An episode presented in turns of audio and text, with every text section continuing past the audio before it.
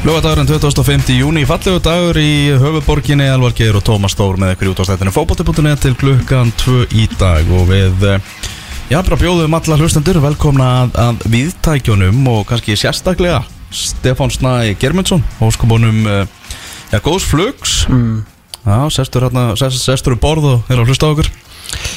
Já og líka bara vonandi að þetta gangi allt vel hjá honum. Hann Já. er með Frans litla Ferdinand í fanginu næstu sex tímana og vonum að Fransi sem er endar svona með, með ljúfari börnum sem ég hef komist í, í kynni við. Þannig að vonum að Fransi verði nú bara verið þægur í fluginu fyrir pappa Mm. Við erum útsýnið hérna við laugadalinn, stelpunar okkar voru að árita, voru að, eh, voru opin æfing hjá kvennalandsliðinu núna fyrir klukkutíma síðan sem að hún hófst. Ok og nú að gera, Sara Björk komið til Juventus, stelpunar að fara til Póllands Glótis í trilltri öllusingu Já, sem Hannes gerði, Já. Geggið auðlýsing Já. Það er hérna Ísland-Póland æfingarleikur sem verður núna í, í komandi viku. Já. Og svo náttúrulega bara stýttist í Evrópumótið byrjar eh, sjötta mótið sjálft en við höfum fyrsta leik eh, tíunda.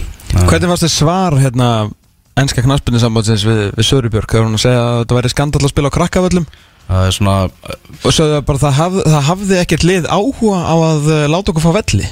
Já, Já, og- þetta og- var áhugaverð pælinga af hverju, af hverju eru þá að halda þetta yfir höfuð? Já, og líka sko hérna svona viljandi miskildu þetta. Og veist, þetta er ekkert þetta er aðalvöllur kvenna liðs mannsestir sig ok. Það er nú bara þannig, en það, veist það það- það er erfitt fyrir fjölmiðla að komast að mér þess á leiki á þessu móti. Aha. Þetta vellir eru svo litlir. Það er fullt af ennskum fjölmiðlamönnum sem að eru búin að starfa við það í mörg ára að fjallin kvennafótbolta sem er ekki að fá mið, miða á, leikina. Pældi bulli maður. Að það er bara ekki, þú veist, ef fjölmiðla aðstæðan er ekki til staðar fyrir hann að fjölda sem að sækist eftir Mm. Það er ímislegt þarna, þú veist Við erum að fara að lesa það í öllum breskum fjölmjölum að þetta sé stórkostlegasta móta allra tíma. Ég er nú að fara hérna út og, og ég ætla að vera gaggrinni á það hvernig þeir eru að gera þetta. Því ég, ég, meina, ég er búin að fara til Svíþjóðar og ég er búin að fara til Hollands Þannig að ég er með við með. Já, líka ógíslega skrítið að eh, sagt, nú er alltaf að eh, til allra lifandi slukku að tjakka upp sagt ennsku uh, kvenna úrvastildina mm. að hérna Women's Super League.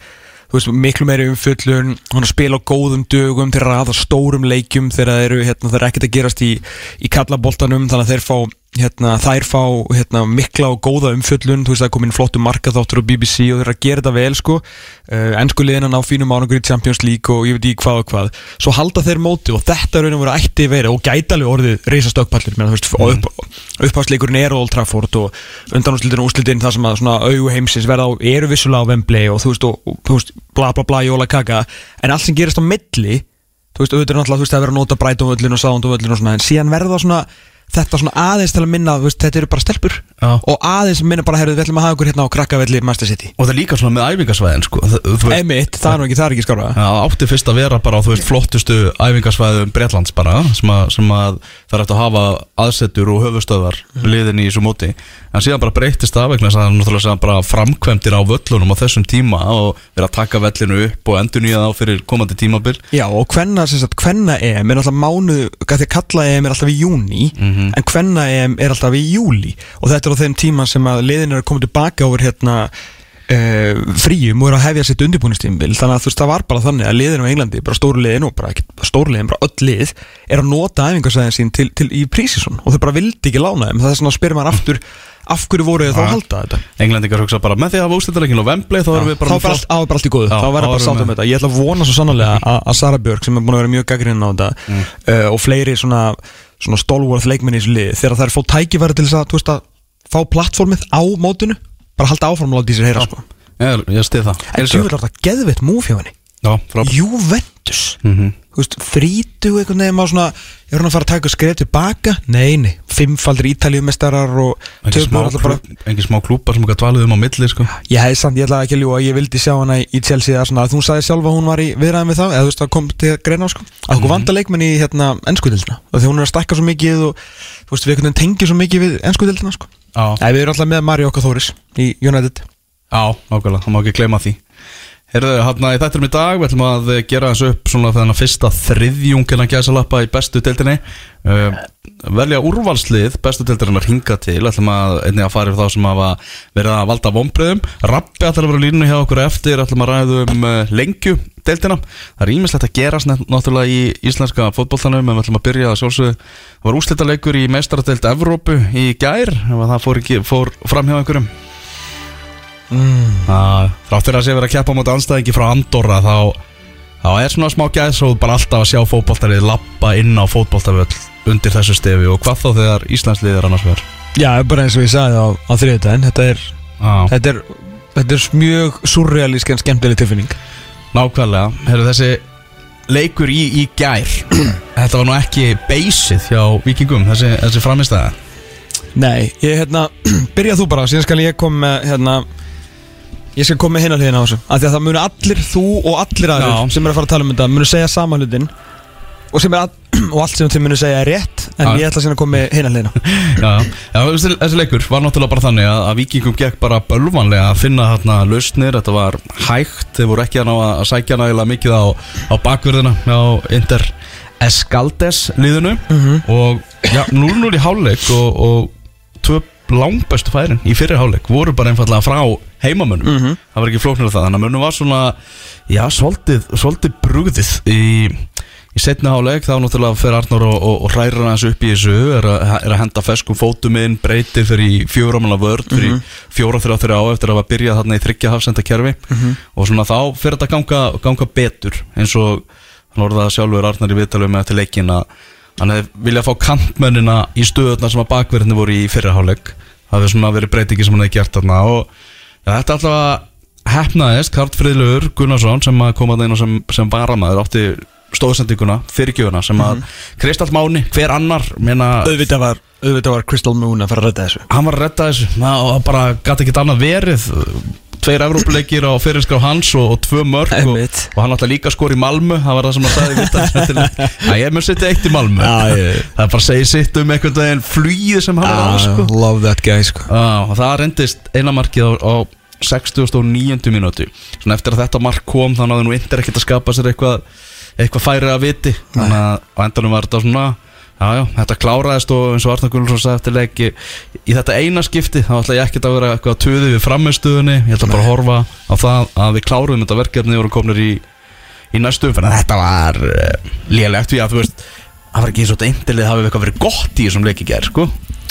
Nei, sko Hérna Allt sem að allir munu segja um framistuðu vikings í þessum leik er rétt Því að hún var, ja, sérstaklega fyrstu 70 mínúnar svo, 68 Já. Uh, Kerfið uh, fun- funkar alls ekki Og svona það er ekkert eðlilega auðvelt að vera svona einhver Monday morning quarterback eftir leikin Og segja hérna að það bara átt að vera í fjóra manna Sérst fjóra uh, Með fjóra varnamenn eins og má heyra þá hérna Arnar er líka bara, við, þú veist, hann er bara þannig að hann er bara viðurkennir mistök og hann sagði það. Mögulega, þá hefði bara var rámt upplegg hjá mér bara í þessum leik. Já, ég, ég, sérst, ég skildi pælinguna á móti tallinn en þetta frá bara fyrstu sekundu meikaði ekkert sens. Og helsti gallin var í gær að það náttúrulega komið engir boltar en á tegin Nei. þá sérstaklega því vorum að sækja mikið hæra megin og Davíð Örn Allarsson, greiði drengurinn sem að uh, Ah. var nú átti náttúrulega rugglaða stóðsendingum á tallinn var ekkit minna heldur en ömurlegur í gær.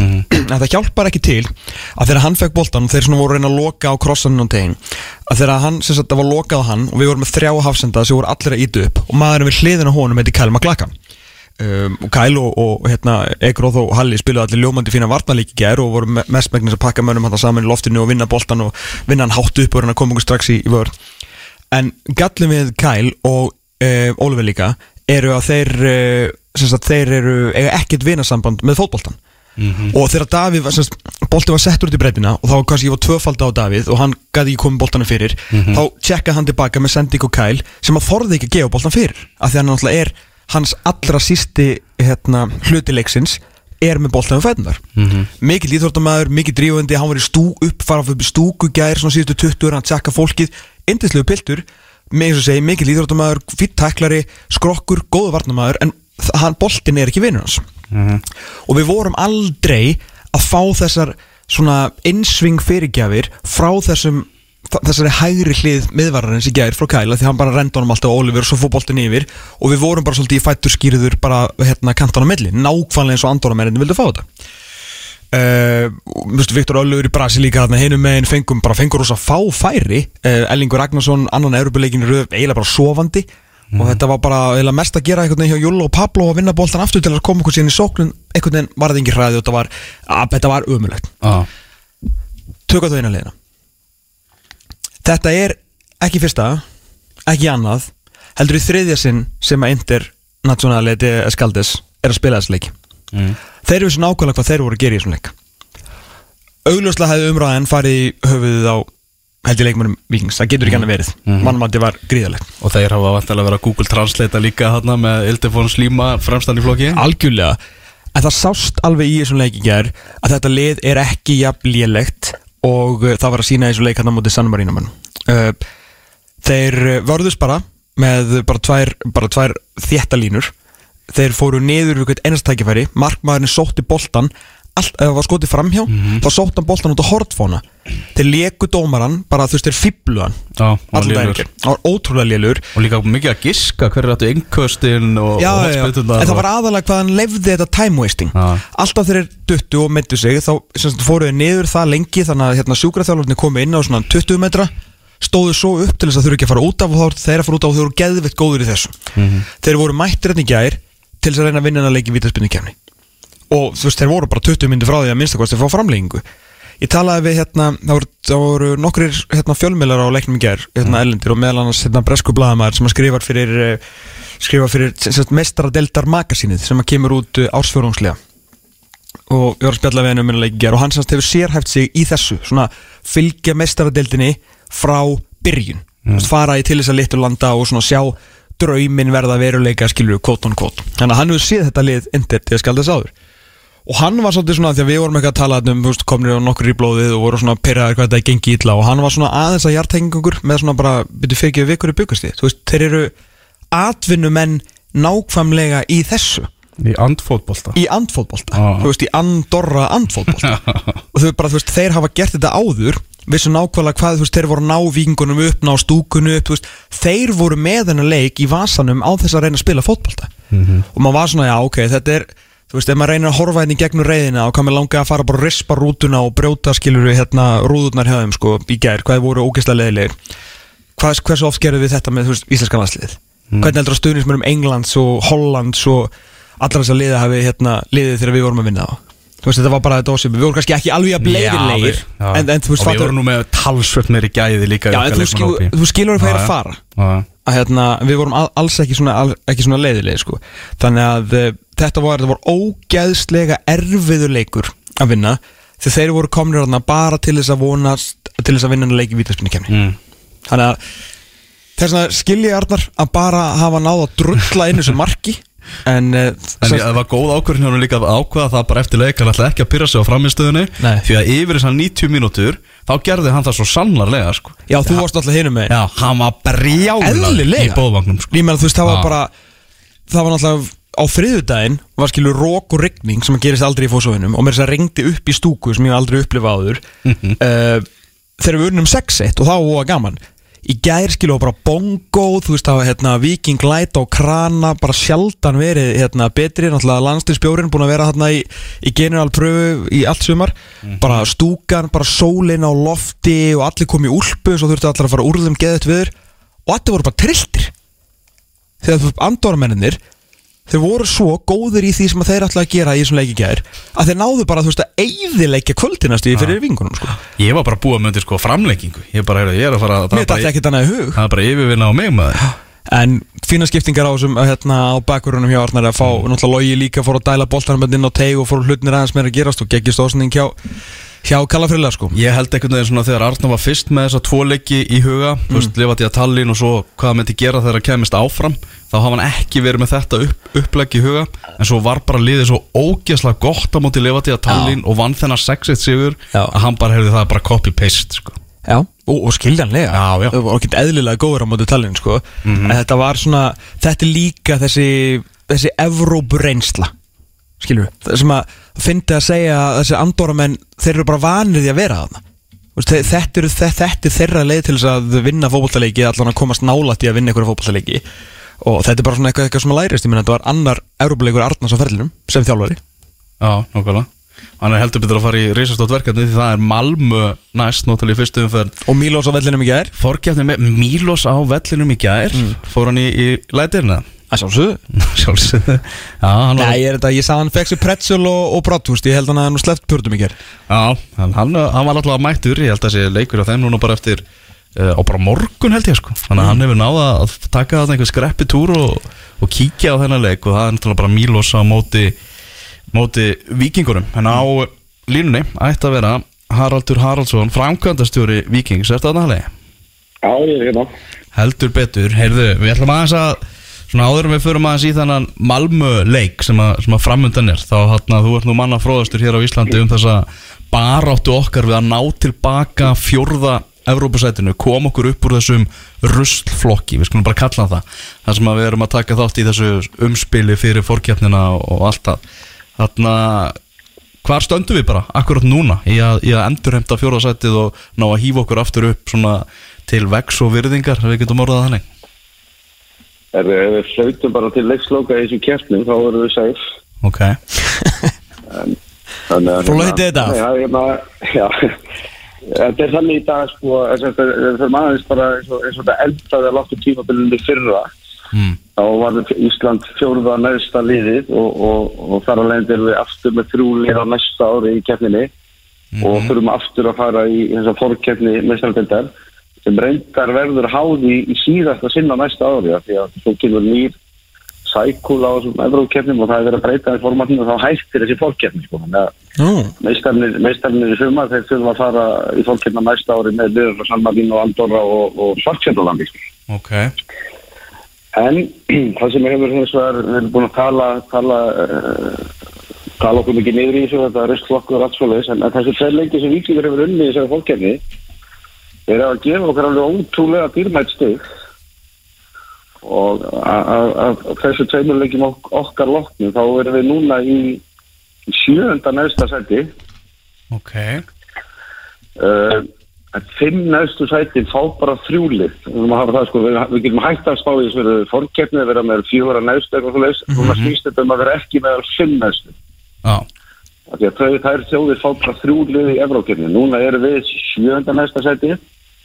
En fyrir neðan okkur er Lichtenstein sem á bara eitt sæti. Þannig að við erum við þurfum að taka þá út um jöfnunni þá erum við í þá erum við bara fyrir ofan línu eins og staðan er akkurat núna. Ok. En hérna það er náttúrulega öll keppinu eftir, það er öll liðin Ísland og þessi liðin þessar þjóð sem voru hér er einu þjóð sem hafa leikið ykkur lengi en við erum öll liðin okkar inn í keppninni. Hver eru beint fyrir neðan okkur? Sem að, þú veist, er svona hættan þá að missa mögulega ofan okkur það er Gibraltar eins og núna, við erum reyndar alveg jöfn en, en ég held að röðunin ráðist af því að við séum komið hluti stíga þessu ári Já, Þannig að frekar en á, á elsta árinu, þetta er alltaf fimm ára meðatal sem tölur í þessu sko. mhm Þannig að við, við, erum, við erum fyrir ofan í báðum, ég veit ekki hvað ræður nákvæmlega en, en, en við erum jöfn, en við erum fyrir ofan línu. Mhm. Þannig að eins og staðan er núna þá mun bestadeildin á næsta ári gefa að, að Íslandsbótið og byggarkeppnin samtals fjögur Európusæti Já, ef, ef við náum að halda okkur fyrir ofan línu eh, þá, þá spilum við aftur um fjögur Evrópusetti næsta tímabil. Já, og ef við nú Það 23. ef við, ef við skoðum það nú bara sjáum til dæmis að breyðablikar frá að mæta þarna Santa Coloma frá, frá Andorra í, í Evrópukeppni. Þar erum við Já, væntanlega, jú, við erum að fara að ná í tvo sigra þar. Já, já, vorandi já, já, við, eh, já, já við, við verðum bara að gera það fyrir því, við verðum að gera það og, og, og hérna, þessi sigur hefur ekki ekki gæði þó hann hafði ekki verið fallegur, en hann var ekki að fallegur og fyrir sigurinn, þá var hérna, hann svolítið mikilvægur að vinna nýjum 90 myndum. Já. Það, Líka, fyrir að að leika sama leikinn gegn Andorra í, í fyrstu fyrir konferenslít en, svo spila káar við Bókulstekkin frá Pólandi og, og það verður klárlega þingri viðreg. já, klálega uh, En hérna, svo náttúrulega, Malmö býður uh, svona spennandi verkefni. Mílos mættur í gerð, spillar eitthvað við hana hann kíkti aðeins til okkar fyrir leik? Hérna, við, við, við ákveðum það bara að sína hann ekki neitt í gerð. Vel til fundið. Gott að fela bara að stalla, hann bara skoraði þetta eina mark en annars var hann ekkert ekkert líkur eins og það var í talinleiknum sko. Þegar ég þekki bílað fyrir þetta. Og það er búin að svara okkur íbyrstu bílandi í okkur á þessu að- að það veit alveg hvað við stöndum sko. Það er enda, enda alveg rétt. Herri, hvað hérna á að að flytja eitthvað vikinga út eða til að gera eitthvað ferð úr þessu? Já, já, við erum búin að auðvisa hópferð við hérna náðum að leia vel hjá, hjá Næsir þeir eru þeir eru það næs strákarnir þar og við erum verðum með svona ekkur hundra sæti með, með liðin út með lið og stjórn í sölu og það er komið í sölu og byrjað að seljast og, og hérna, það er greinlega tilsökun með líkinga. Já, nokkulega, betur fyrirleikurinn er hvernar? 5. júli Það hann er 15. júli, þannig að við erum bara að fara út á sunnudag næstu helgi, Ok, sunnudag alltaf eftir daginn og, og hérna, þá færi fólk sjóka bara dag í Malmö á mándaginn og svo er bara leikdagur og þriðdag og, og heim beint eftir leik. mhm Þetta er stutt, stutt færð en, en það eru vonandi söguleg. Já, nákvæmlega, það er nú menn eru, menn eru brattir, maður heyrði það þarna og Arna tala um það, þeir ætla að sína það þeir eru, eru já, ekkert fallbissu fóður fyrir, fyrir svíjana Nei, með fyrir okkur finnst mér mér finnst bara reyngilega spennandi verkefni að fá að máta sig við eitthvað í lögum í Skandinavi og, og hérna, sjá hvað, hversu langt við erum komin sko. og náttúrulega sama hvernig þetta einvíi fer þá verður alltaf áframhaldandi Eurovikes því að þá er það bara sambastildin ef þessi leikur, leikur tapast þessi við Komust og loksins í sambandstildina sko. Það er sem við erum að býða eftir sko. Það er í aðaldildina sko. Já, það er eins og sko, við þurfum að við kemum til gegnum Malmö sko, þá erum við náttúrulega komin í, í, í svakalega mál sko. Einmitt, þannig að þetta hefði nú, drátturinn hefði geta verið, þetta var skemmtilegt að mæta Mílós en þetta er svona með íslensku liðin að það hefði nú verið hægt að fá svona físilegri mótterja og þá mögulega komin í sko playoff-rándið í, í sambandstildinni sko. Já, já, það, það er það er styrsta leiðin nefnilega inn í, inn í grúfspill Nákvæmlega það er jákvæmt, við erum á, á, á leið með að endurhemta Evrópasætið og vonandi bara kláru við það, bara halli gaman að heyri þér að vanda. Takk fyrir þetta. Eða bye, bara Það held ég, eh, við skulum vind okkur næsta aðeins í bestu dildina það ekki? Já, bara rétt, þú veist, það er svona munurinn á hérna, Malmö og Vingi eða bara íslenskum liðum yfir höfuð það, Já. hérna, þeir náttúrulega hafa ekkert verið að gera einhverjar rósir.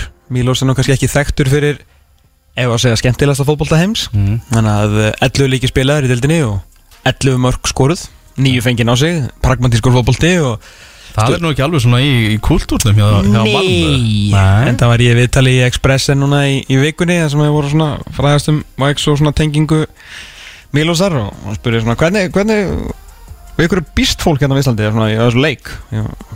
Býst við, náttúrulega ef við vinnum þá verður Mílós reikin á stanum það er náttúrulega þannig, sko, þú veist, það verður reikin um leið ef að, ef að svo fer að vikingu vinnur þetta sem ég hef nú ekki kannski mikla trú á. En munurinn kannski svolítið fyndin að hérna á meðan að vikingur er náttúrulega bara að tala um veist, allir vikingar að tala um það, þú veist, hvena verður stalli seldur? Og þá voru þeir sem sagt að glukkin er að opna og Malmö er búin að uh, tryggja sér fyrsta leikmanni sinn, einhver sóknarleikmaður frá Strasbourg í Ligue 1 á þú veist 10 miljónir sænska króna Bara, á, já, já, já. Hvernig ætla vikingur að svara þessu í klukkanum? Það verður Það verður Það fá frálega þetta kjartan kára og gróttu hérna, eitthvað.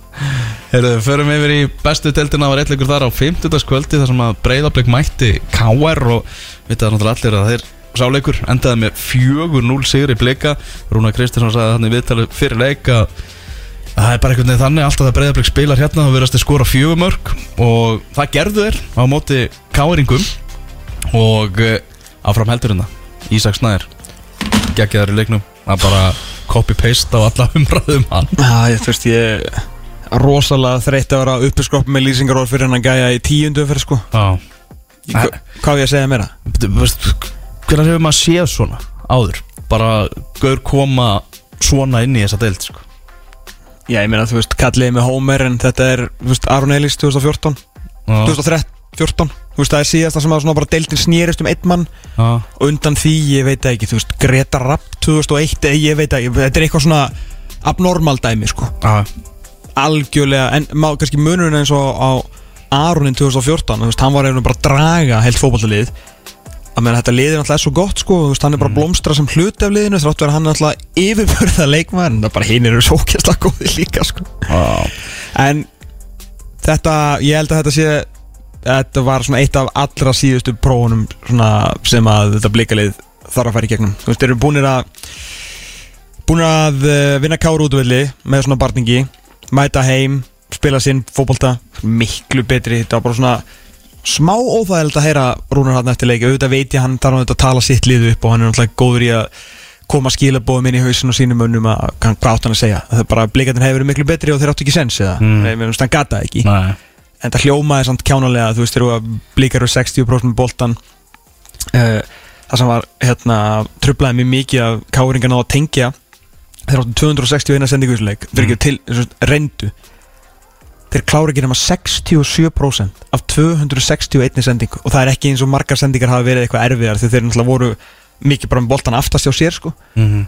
uh, yfirbörnir bara, þú veist, yfirbörnir bara tölfræðilega og sko Káin náði alveg að sögma saman eitthvað, þú veist, rúma 1 og halvan í, hérna, í XG sem er bara fínt, sko. Uh, nema náttúrulega blikarnir skora bara alltaf þegar þeir skjóta á markið og sérstaklega Ísak sem er bara með 50% skotnýtingu, er bara eins og einhver hotnamaður í handbolt, þú veist, þetta meikar ekkert senn, sko. En ef þú skoða tölfræðinsleik þá voru yfirbörðir blika nákvæmlega jafnmiklir og augað sæðir Já. og eftir að hafa unnið þú veist káir á svona á þeirra leik á grasinu og útivelli það var svona smá próf sem þeir fóru í gegnum svona miðanar eitthvað. Og þetta var svona eitt að loka prófunum að taka káir sem búið, þetta búið að vera mikil gríla fyrir þetta blikalið og bara pakka þeim saman. Já. pakka þeim saman sko. Gjóðsannlega pakkaði þeim saman. Þetta var bara hálf vandræðilegt Uh, Já, svona daði svona kannski svona fellur smá í skuggan og það er svo mikið talað um Ísak en því líkt tímabil sem hann er að eiga. Og bara hvernig samvinna þeirra líka er uh, ná ótrúlega vel saman Ísak og, og Jason. Já, það, þetta er alveg rétt, því að Jason fær allt of lítið umtal, þú veist, það er svona reyndað í, svona tala um hann í, í sömu Andrá og Ísak, því að það á að gera það. Og ef að boltinn, þú veist, þegar að eitthvað gerist, ef að Ísak er ekki í því og jafnvel þegar Ísak er í því, þá er Jason raun og veru alltaf maðurinn eitthvað staðar í þungamiðinni hann á leikilsendingu, hann á stóðsendingu hann einhvern veginn sólar mann til að búa til veist, hann er alltaf nálættis. Það hlýtur bara að vera martröð varnamannsins að bara sjá Jason daða fyrir framann sem er boltan á Já, leiðinni líka því að það er alltaf svona, veist, 8 til 17 leikmenn í einu reyna að stoppa Ísak þannig að Jason er alltaf með svo mikið pláss. Já. þannig að Guð blessi þess að greiði vinstri bakur í þess að deild að vera alltaf að fara einn og einn á móti Jason í dag. Þú veist, reyði ekki fucking break, sko Já Svakarætt lið, svo kemur Mikael Kvist þarna inn í afleysingar, fyrst að Damir Múminovits var í, var í leikbanni. Og bara frábær í vördinni Já, bara þetta skiptir engum máli og þú veist, ég held að eitt svona fyrir utan hvað hérna, herri, ég, það var sagt mér í gerð eitt, hlut, ég segi mér ef þetta er hérna, hvort þessu gamla fréttir ekki að það var eitthvað svona einhver umræðum að blikar voru íhuga að lána Ísak snæði bara ekkert lunga fyrir mót. Já, ok. Og svona uh, af því að þú veist, hann alltaf þið vissi ekki að hann væri hérna svona framalega sko. Já. uh, að þetta var ekki alveg vist eitthvað svona gangu upp. En það var, þú veist, bara menn voru á spjallinu í gerð sko, og þetta var svona svona eftir ágæt, ágætum heimildum sem ég hafði þetta að þeirra voru svona, þetta var ekki alveg svona eitthvað funkar að meðan það sem eitthvað miðvörða sexu eitthvað, svo bara fór hann aðeins framar á völlin og byrjaði að skora og blikandi bara, nei, nei, nei, herri, ok, við ætlum bara þetta, við okkur líst vel á þetta sko, síðan alltaf er hann bara besti leikmaður í mótinu, ásand stalla. En að en þeir eru svo góðir sko, þetta er náttúrulega er, svo skildi ég svo rosalega vel að hérna, ég held að, sko, fyrir utan það að koma Ísaki Snæ í eitthvað svona markamets uh, feeling sem er náttúrulega mjög góð þjálfun hjá, hjá Óskari og, og Dóra uh, gera, þú veist, Jason Dada bara þessum, þessum ofurleikmanni bara svona, þú veist, bara hóa strákur einhvern veginn og Mósusbænum, þú veist, það er alvöru. Endurst þetta lið og bara þú veist það er fullt af góðan hluti sem er á að gert svona, aðeins dreigið sig aðeins aftar, gert þessa hluti og svona aðeins fært hlutuna til til þess að vera betri en ein besta svona, hvað var að segja þjálfunin sem að Óskar hefur sínt á þessu tímili það er að fá Gísla Ejórsson til þess að bara skipta um hlutverk Já. og hvernig Gísla Ejórsson hefur og ég skil alveg af hverju þeir eru núna vekkur neginn bara svona haldi ekki vatni yfir honum og reyna að koma þess að ég veit tölum hvað Gísla hefur verið góður af því að Gísla er bara vanu því að uh, skora mörg með að setja hann í samskiptin mm -hmm. Og hefur upp til skíðina af, af stundismennu blika fyrir það og síðan kannski sérst hann ekkert í 2-3 leiki eða jafnvel halvt mót og fattur þú veist hann er bara svona eitthvað svona sóknar gauð sem á bara alltaf að skora og leggja upp. Hann skorar ekkert, hann leggur ekkert upp aldrei verið betri. Og þú þarft alveg svona fyrir utan að vera með svona sterka þjálfara til þess að fá svona góðan leikmann í að gera svona lundi þá þarf líka leikmann að vera tilbúin til þess að aðeins að svona ef að segja mm og átta sig á því og þú ert líka að selja leikmanninu það að hann er betri kannski í þessu hlutverki fá hann til þess að prófa þetta, gera þetta og síðan er bara Gísli búin að vera algjörlega amazing. Hann gerir ekkert fram á við skilur ekkert ósangjant með það sem hann svona hans, ef ég myndi spyrja bara hvað gerir Gísli Eyjarsson í dag? Hann skýtur í skeitininn Fattur, þú, þú, þú mátt alltaf segja það fyrir Ah, móti það er það sem ah. hann gerir, hann kemur vinnuboltan, fljótur á hérna, fyrsta skrifinu, býsið til skotfæri setur hann skeitininn, það er Gísli Eyjarsson fyrir mér. Og fyrir öllum held ég. En núna er einhvern veginn Óskar bara, herru verður bara svolítið að vinna boltan og verður svona vél fyrir okkur inn á, inn á miðsvæðinu, minni, þú þarft ekki að það er ekki svona mikil ábyrð á þér að vera að skora og leggja upp. Gerðu bara alltaf hína hlutina vel. Og hann er bara búin að vera geðugur þetta rósa bara öllum í þessu, þessu breyðablislið og þú veist, þú veist næri Ísak sem er bara eitthvað, þú veist, þungur á miðjunni hjá, hjá IA Veistu, nær líka í, í Dag Dan Þórhalsson sem að bara var ekkert merkilegu með fylki sem að fellur úr deildinni. Annar leikmaður sem bara fekk hrós fyrir ekki, neitt. Gat ekkert í fyrir ekki neitt. Ja, og hann er bara Virkilega góður, virkilega flottur Já. í þessu, þessu breyðabriðsliði heldur betur að nýtast þeim vel. Ekki spurning. Þannig að þetta er, er allt. Það er öll hjólasnúast í, í kópóðunum Langmesta stemmingin á vellunum Langflestir áhörundur og, og bara allt að ganga upp. Já, Hinum megin hins vegar, hjá káeringum þá er þetta Það var þetta frekar þungt Þannig að gefa þetta mark Þetta fyrsta mark algjörlega á Silfurfati Finnur Tómas, við veit ekki alveg hvað Hann var að pæla uh, búin, sá er búin að vera lélugur í sumarmaður búin að vera virkilega Og sérstaklega Ma, Manstu hvað ég sagði hérna fyrir mót? Ég, Sérstaklega bara, upp á síðkastið sko. Ég sagði hérna fyrir mót, maður hafði heyrt úr einhverju átt að hann væri bara svona það var eitthvað skrítið í gangi með hann. Maður ég veit ekkert hvað, bara veist hann er aldrei verið eitthvað svona brjálaðislega mikil áhuga maður um að spila fótbolta þannig, þú veist hann bara virk var þann, veist hérna það var til hann bara, er ekki það góður í því sko? Þú veist hann er góður, Já, en það var svona það voru eitthvað rættir á loftið um hann, hann væri eitthvað off við hann og ég veit ekkert hvað það er, hvort hann var meittur eitthvað aðeins fyrir mótið, bla bla bla. En hann er búin að vera hróttalega slakur. Já, Rúnar Kristinsson bakkaði hann upp í viðtalið til leik að Þannig er bara Rúnar Kristinsson, hann stendur með, með sínum mönnum. Já, já, það var ástæði fyrir að hann er Rúnar Kristinsson. Nákvæmlega og, þarna, og gera það út af við en sjálfsögur vilja Káring fá miklu meira frá Finnur Tómas og svona það er mjög áhugavert líka að, að í svona stórleikum með breyðabli Káir og þú ert með Kjartan Henry Fimbo og svona á bekknum? Já, þetta var líka bara svona bara, það var ekki kjartan eftir leik sem að sagði bara, þú veist, það er erfitt að vera í þessari stöðu. Bara, þú veist, við erum káringar og þetta er bara erfitt að horfa upp á þetta. Já, það er bara ömulegt fyrir okkur að vera í þessu. Sko, þeir eru einhvern veginn Í sjötta sæti og þeir eru í sjötta sæti. Ó, til allra hamingju er smá svona gjá á milli þing, þings og þjóðar þegar kemur að hérna, munum á sjötta og sjöfunda sæti en káringar þurfa samt í alvörunni alveg að passa sig sko. Já, því að svo horfir einhvern veginn á liðið og er bara ok, þú veist, sömugæðinir og eru búin að þú veist, náðu Europasætinu í í fyrra og þú veist, þetta er Pálmi og þetta er bla bla bla, skilur allir, þú veist, fullt af öflugum leikmunum, en þeir eru allir eldast. Mhm. þú veist, liðið var ekkit frábært í fyrra. Hann, Rúnar fer einhvern veginn og ruslar hann inn hálfri lengjudeldinni til þess að, fylla upp í skorðin og þú veist, þá færðu þetta bara. Já Ég meina þessi leikmenn sem að hann hefur að sækja bara eru bara enga veginn bara nála þessum liðum sem eru í toppliðunum í dag sko. Nei, enga veginn sko. Hvað hefur Sigur Bjartur gert? Já, Aron veist, allir sem voru og mestu vonbreiðin er náttúrulega hérna Hallur sko Já, svo var eitthvað káur einhver að segja sem sett á Twitter hérna, það var ekki Dabbi sem að, sem að tala um það hérna, þeir svaka basli á móti, móti breyðabliki voru lendir hérna 3-4-0 undir og þú veist þá er bara Aron Þórður mættur á bekknum sko. Þetta er ekki káir sko Já, Það er einhver, er einhver skrítið væpur þessu og, hérna, og það er alltaf maður er einhvern veginn svo löngu, löngu komin yfir þessa barsliðu þórðagliði þegar káringum gengur illa sko, það var bara þegar maður var veist, ungur og, og spila á móti að því að veist, þeir voru svo leðilegir og hrókafullir sko. en nú bara, þú veist, er þetta káir og maður ber bara ómælta virðingu fyrir, þú veist, rúnari og þú veist, þessu klubbi og mönnunum sem að standa þarna fyrir aftan og skilur, hvort sem að var kittið árna hann hætti og núna, þú veist, hérna, palli og allir þessi gæðir og maður veit bara, þú veist, mér líður bara illa yfir því hvað þeim líður pottið illa með þetta. Mhm. að það er bara skrítið þegar Káir er einhvern veginn bara í sjötta sæti og eru bara, þú veist, þeir eru bara slakir. Þú veist, það er ekki nefn með neina þú veist, þeir eru bara með sína stjórnuleikmenn þeir eru ekkert að bæta við, þú veist, var einhvað sæn í vetur sem að sagði bara svona wow, auðvitað fór þessi Káir uh, Þú veist, Hallur Hansson já, ég meina við þekktum hann ekkert sko. Nei, veist, það var ekkert, það var ekkert einhver íslensk stjarnar skilur og þeir eru ekkert að taka Við þekktum að reyndar. Já, er, er þetta Já. reyndar en þú veist, það var, var svona það er enginn af þessum ungu leikmunum einhvern veginn sem er að koma tilbaka og þú veist, er rétt einhvern veginn á að merja Finn Tómasinn bara, skilur Bjarni Guðjóns græja það og svo allt þetta dæmi með venna, hann fer og þá er allt í hennu mennóttur eitthvað litlir í vesturbænum sem þeir eiga aldrei að vera sko. Já, með ráðgjafa dæmið þarna. Já, þú veist, óþarfi, skilur þetta var bara óþarfi. Já. Þannig að, Venni kemur rosalega flottur út úr þessu. Þarna var frábært viðtal sem að var við hann eftir, eftir káfafleikina á .net og, og þú veist, og hann hann svona, svona reynir að lesa svona í orðin því hann er alveg kurteis og allt hann hann sagði til dæmis að bara framtíð sín hjá Káir hefði verið í óvissu og, og þess vegna var óviss hvað myndi verða hjá Káir mm -hmm.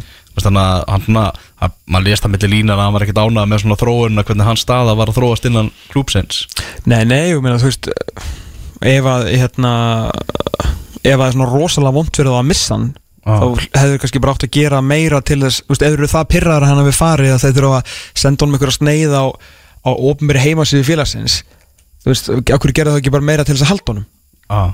bara gera stöðuna sig einhvern veginn skýrari á þess að ég veit nokkuð nokku hvað var að gerast þannig að bak við tjöldin sko, en allan að þetta var nógu hann var allan ekki nógu viss með sína stöðu t- þannig að hann fór og káringarnir allan á auðvitað gátt ekki gert nóg til þess að halda honum og úr varð eitthvað svona ótrúlega eitthvað svona, eitthvað barnalega skilabóð á jafn mikla góðsögnu hann er sko. Mm. Staðan í dildinu það er bara bilað að horfa á þetta. Breyðablík með 30 stig pluss 23 mörg í markatölu. Uh, Stjarnan í öðru sæti með 19 og pluss 7 mörg mm -hmm. uh, Víkingur með 19 og pluss 6 mörg uh, Svo er bara Valur með pluss 5 og, og 19 stig Náttúrulega búin að hýfa sig þannig sann upp og K.A. og K.R. Svo, svo kemur hérna eins og segir uh, Bilmilli Þings og, og Þjóðar og kemur restin síðan Það er alveg, hún er tvískipt deildin Þannig að bara vel við hæfið að hann er verið síðan endalega skiptu upp eftir 22 umferðir. Já, en nota bene að Káir sem er í hérna, sjötta seti, þannig að 5 stegum undan Keflavík og 6 stegum undan Fram 7 stegum undan FH er alltaf með leik meira, þetta var alltaf auka leikur sem að spila núna á 50 daginn Mm. þannig að uh, það gæti alveg verið að þegar Keflavík er búið að spila 11 leiki líka að munurinn verið 2 stig hérna á milli 7 og 7 setis þá kannski þurfa Káringar verulega að fara að svitna og það hlýtur eitthvað að gerast í glukkanum og þá er ég að meina ekki að sækja eitthvað í lengjutildinni á Káir sko. Nei. Besta deildin er ansið skemmtilegt deild og, og margt skemmtilegt að gerast í henni og maður þarf bara að horfa á þrjá markaðistu leikmennina í deildinni ef að ég hef bara sagt við þig bara um mitt mót þar að segja áður en að tvískiptingin, kemi Mhm. að þrýr markaðistu í deildinni væru Ísak Snær Þorvaldsson Gummi Magg í Fram og Emil Atlasson í stjórninni Hva, hvað hefur sagt? Ég hefði bara beðið um að leita þér aðstóðar sko. af því að ekki það sem ég er alltaf aðalega því ég hef sagt Elvar, Ísak spilar, þú veist, aftalega á miðju. Þetta, þú veist, þú veist ekki neitt. Gummi Maggi hefur aldrei skorað eftir deild og Emil Allarsson skora alltaf þrjú. Fattur En þetta eru allt skilur því líka sögulínur. Já, Ísak bara stjarnamótsins Þú veist, endur bara comeback, hann er sko eini leikmæri sem getur sko orðið comeback player af því er á sama tíma að verður MVP mm. sjálflega Emin Atlasson líka með þetta geðveika svona comeback ár hjá sér líka bara svona einhvern veginn, bara endur nýju lífdag og allt það. Og svo þessi geggja saman með, þú veist, gummi magg á tímbilinu sem að fram einhvern veginn fer og þá kemur bara mest í framarna um öllum nýju mörki, nýju leikjum eða eitthvað og bara, þú veist, ógeðslega skemmtileg skilur, þetta eru svona skemmtileg hlutinir af því að maður er alltaf hérna, einhvern veginn urðandi yfir allt og alla og geggja neikvæður og þetta er það skemmtilega við þetta fullt af að geta haldið með, þú veist, gumma magg og haldið með Emil Atla, skilur, bara topp menn líka ánægð með það. Já, svo heldum í jákvæðanina skulum við bara fara yfir í liðið úrvarslið bestu deildarinnar hingað til. Og uh, Er þetta fyrri hlutin eða þriðjungur? þetta er eiginlega þriðjungur myndi ég segja. Þetta er svona cirka þriðjungur ef við tökum já, skástrygg fyrir hlutin eiginlega líka af, á fyrir tvískiptingu. Já myndi segja að veist, við tökum þetta þrísvar eða þú veist aftur eftir eh, 22 umferðir. Já. Áður en kemur á tvískiptingunni. En eru þið þá ekki vik og snemma með þetta? nei, nei, Nei, nei, við gerum bara sem við viljum. Málið er náttúrulega að við erum ekki dvikvað snemma vegna þess að það verður ekkert spilað í bestudeldinu þegar við erum mættir hérna aftur eftir viku þannig að það skiptir einhver máli. Góða punktur.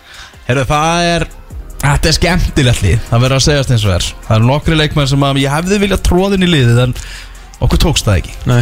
Okkur tókst það ekki, við reyndum. Já sem að maður bara, þú veist, og við skiljum það að þessu pyrrar við því að vera ekki í liðinu. Mhm. En í markinu Anton Ari Einarsson í, í breyða bleiki Já, ég Tóni hérna. Já, búin að vera hrigalega blur Tólmörk fengið á sig en uh, Ég, eftir að hafa lesið fréttina þannig í vikunni Þá vil ég breyta þessu. Já, Ég vil breyta þessu í Halla Björns. Halla Björns í markið? Já, þú veist bara Vildu henda tón út? ég, veist, ég vil ekkert henda tónu út Búin að vera frábær En Já. skrifað þú ekki fréttina sjálfur um að Halli Björns er besti markmann deildinni eða? Já, samkvæmt einhverju, samkvæmt tölfræðinni. Já.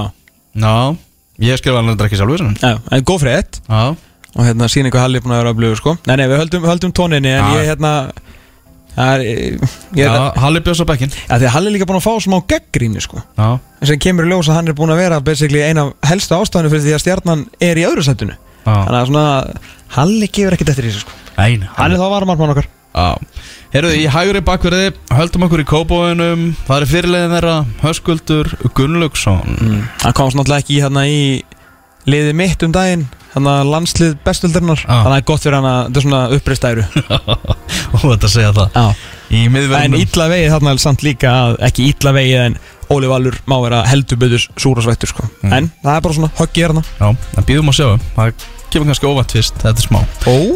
Damir Múmínovic er í hafsetnum Hann er Mhm. vanur því að vera í hinnum ymsu úrvalsliðum Bara frá því að hann byrjaði að spila af, af krafti í þessari deild Mhm. þá, þá er hann bara nánast fast að gælda engin leikmaður í deildin hafa verið oftar einhvern veginn svona í liðu umferðarinnar og Nei og leikmaður fyrri hluta og í úrvalsliði fyrri eða setni eða úrvalsliði mótsins alveg Þegar þú segir þetta, djúvill er hann að vera góður lengi. Já, Meiri sem þeirra blikarnir kannski voru ekkert spes. Næ, einmitt. Og svona á þeim tímabilum kannski þeir voru ekkert öflugir. Mm Með honum í vörninni. Svona, það er skemmtilega, svona gaman þar. Byttunum við. Danny Lax. Danny Laxdal. Það er lí- D-Lex Já, líka búin að vera að spila s- sem djúpur á miðju. Mm.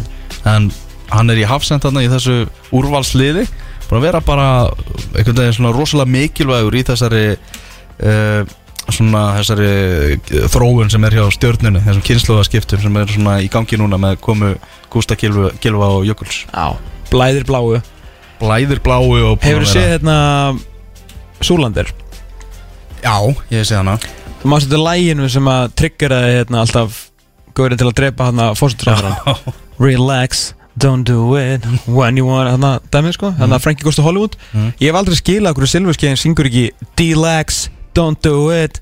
Það veist ekki, svo með þið bara að klára þetta. Þetta er bara hugmynd fyrir ykkur. Er frábær hugmynd, ég er nokkuð viss um það. Okkar menn í silfurskiðinu, þeir Já. taka þennan bolta á lofti.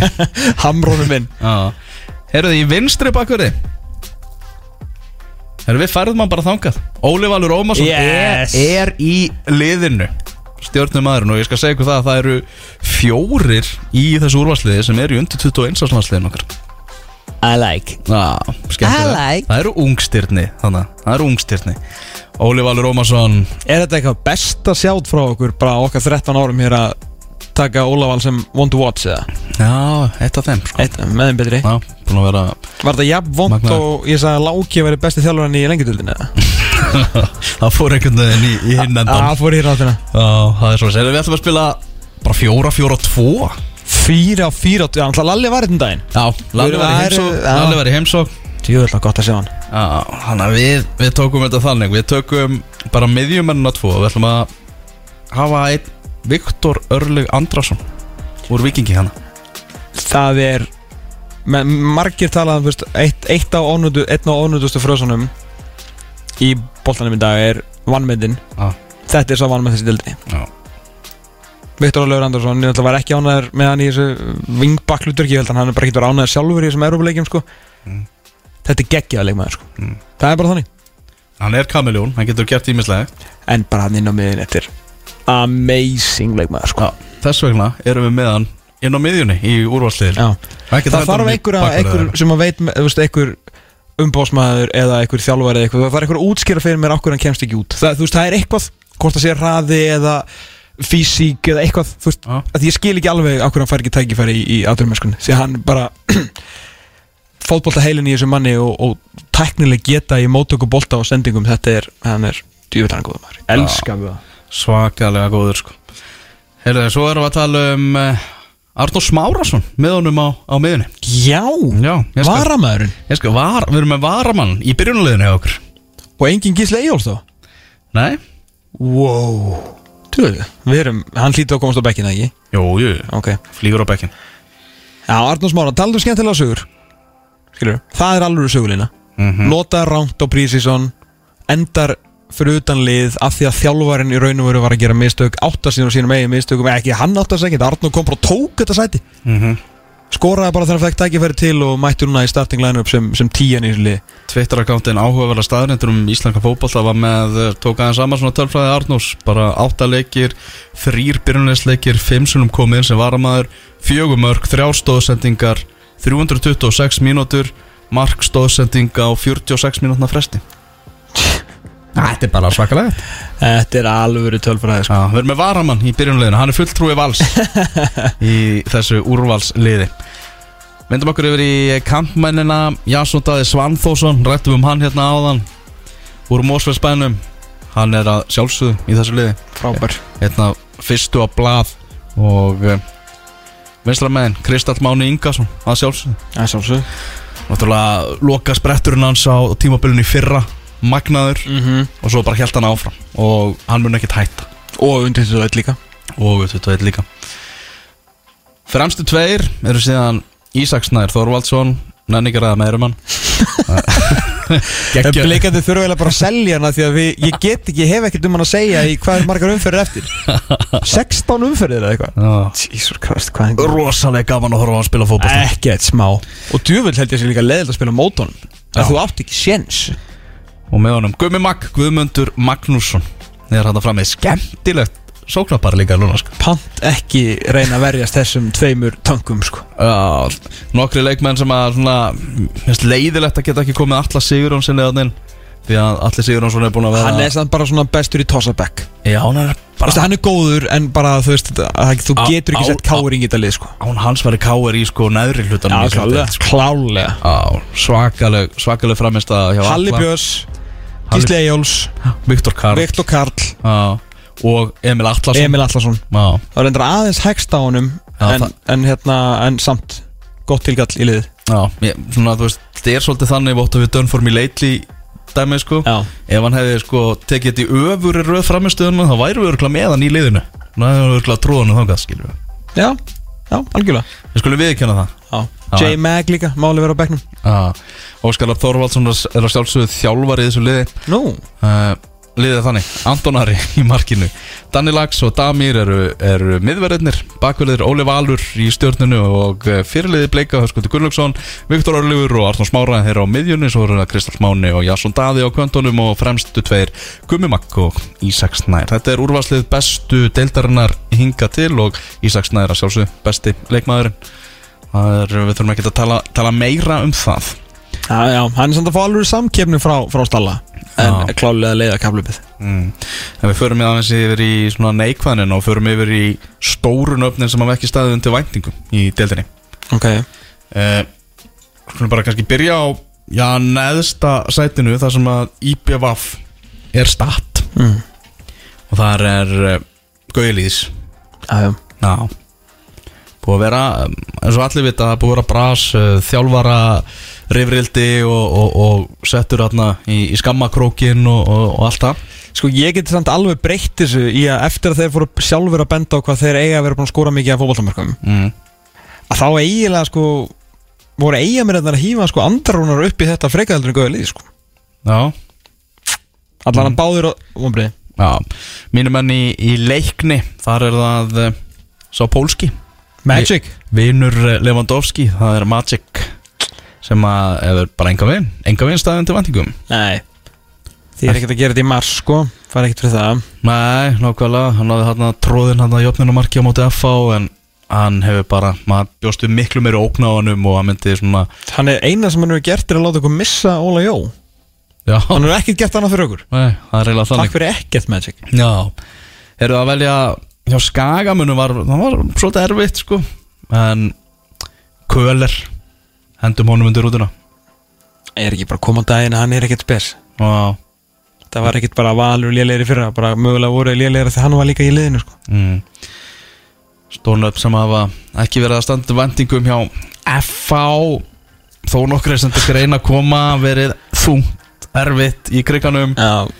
En við tökum Lennon í þetta en spurning hvort að þráttur að hann hef ekkert verið góður hann á móti í að þá Baldur Sigursson sagði það að, að hann byggist við því að Eidur Smári kæmi Lennona af stað. Mm Eins og síðast. Eins og síðast. Uh, En hann er bara, Slenni verður bara átt að síða því og veit að hann er búin að setja ævintýrlega að hafa standarta fyrir sjálfan sig sko. Heyrðu hjá fram Það er það Það var að leikmaðurinn sem að ég sagði hérna í einhverju þætti fyrir tímabil að ég taldi að það er þið besti leikmaður fram í sömur Óli Ísson. Uh, Markvöld Já, ég þeir eru að fá á sig skildi, það, skildi það ekki þá og skildi það ekki núna samt sko Ah. en, en ég hef mér li- litlar málspættur já, hann er, já. Þú Já. verður, þú verður bara að fá á sig víti núna og klaufalega hátt tvo leik í röð og náttúrulega er engin greiði gerði með þessum varnarleik oft sem að fram er að spila en, en nýlegar verða að vera með sterkari markmann. Að verða að fara að koma sér í stand eða þú veist að henni er í góðu standi bara svona að rífa sér í gang ég segja. Mm.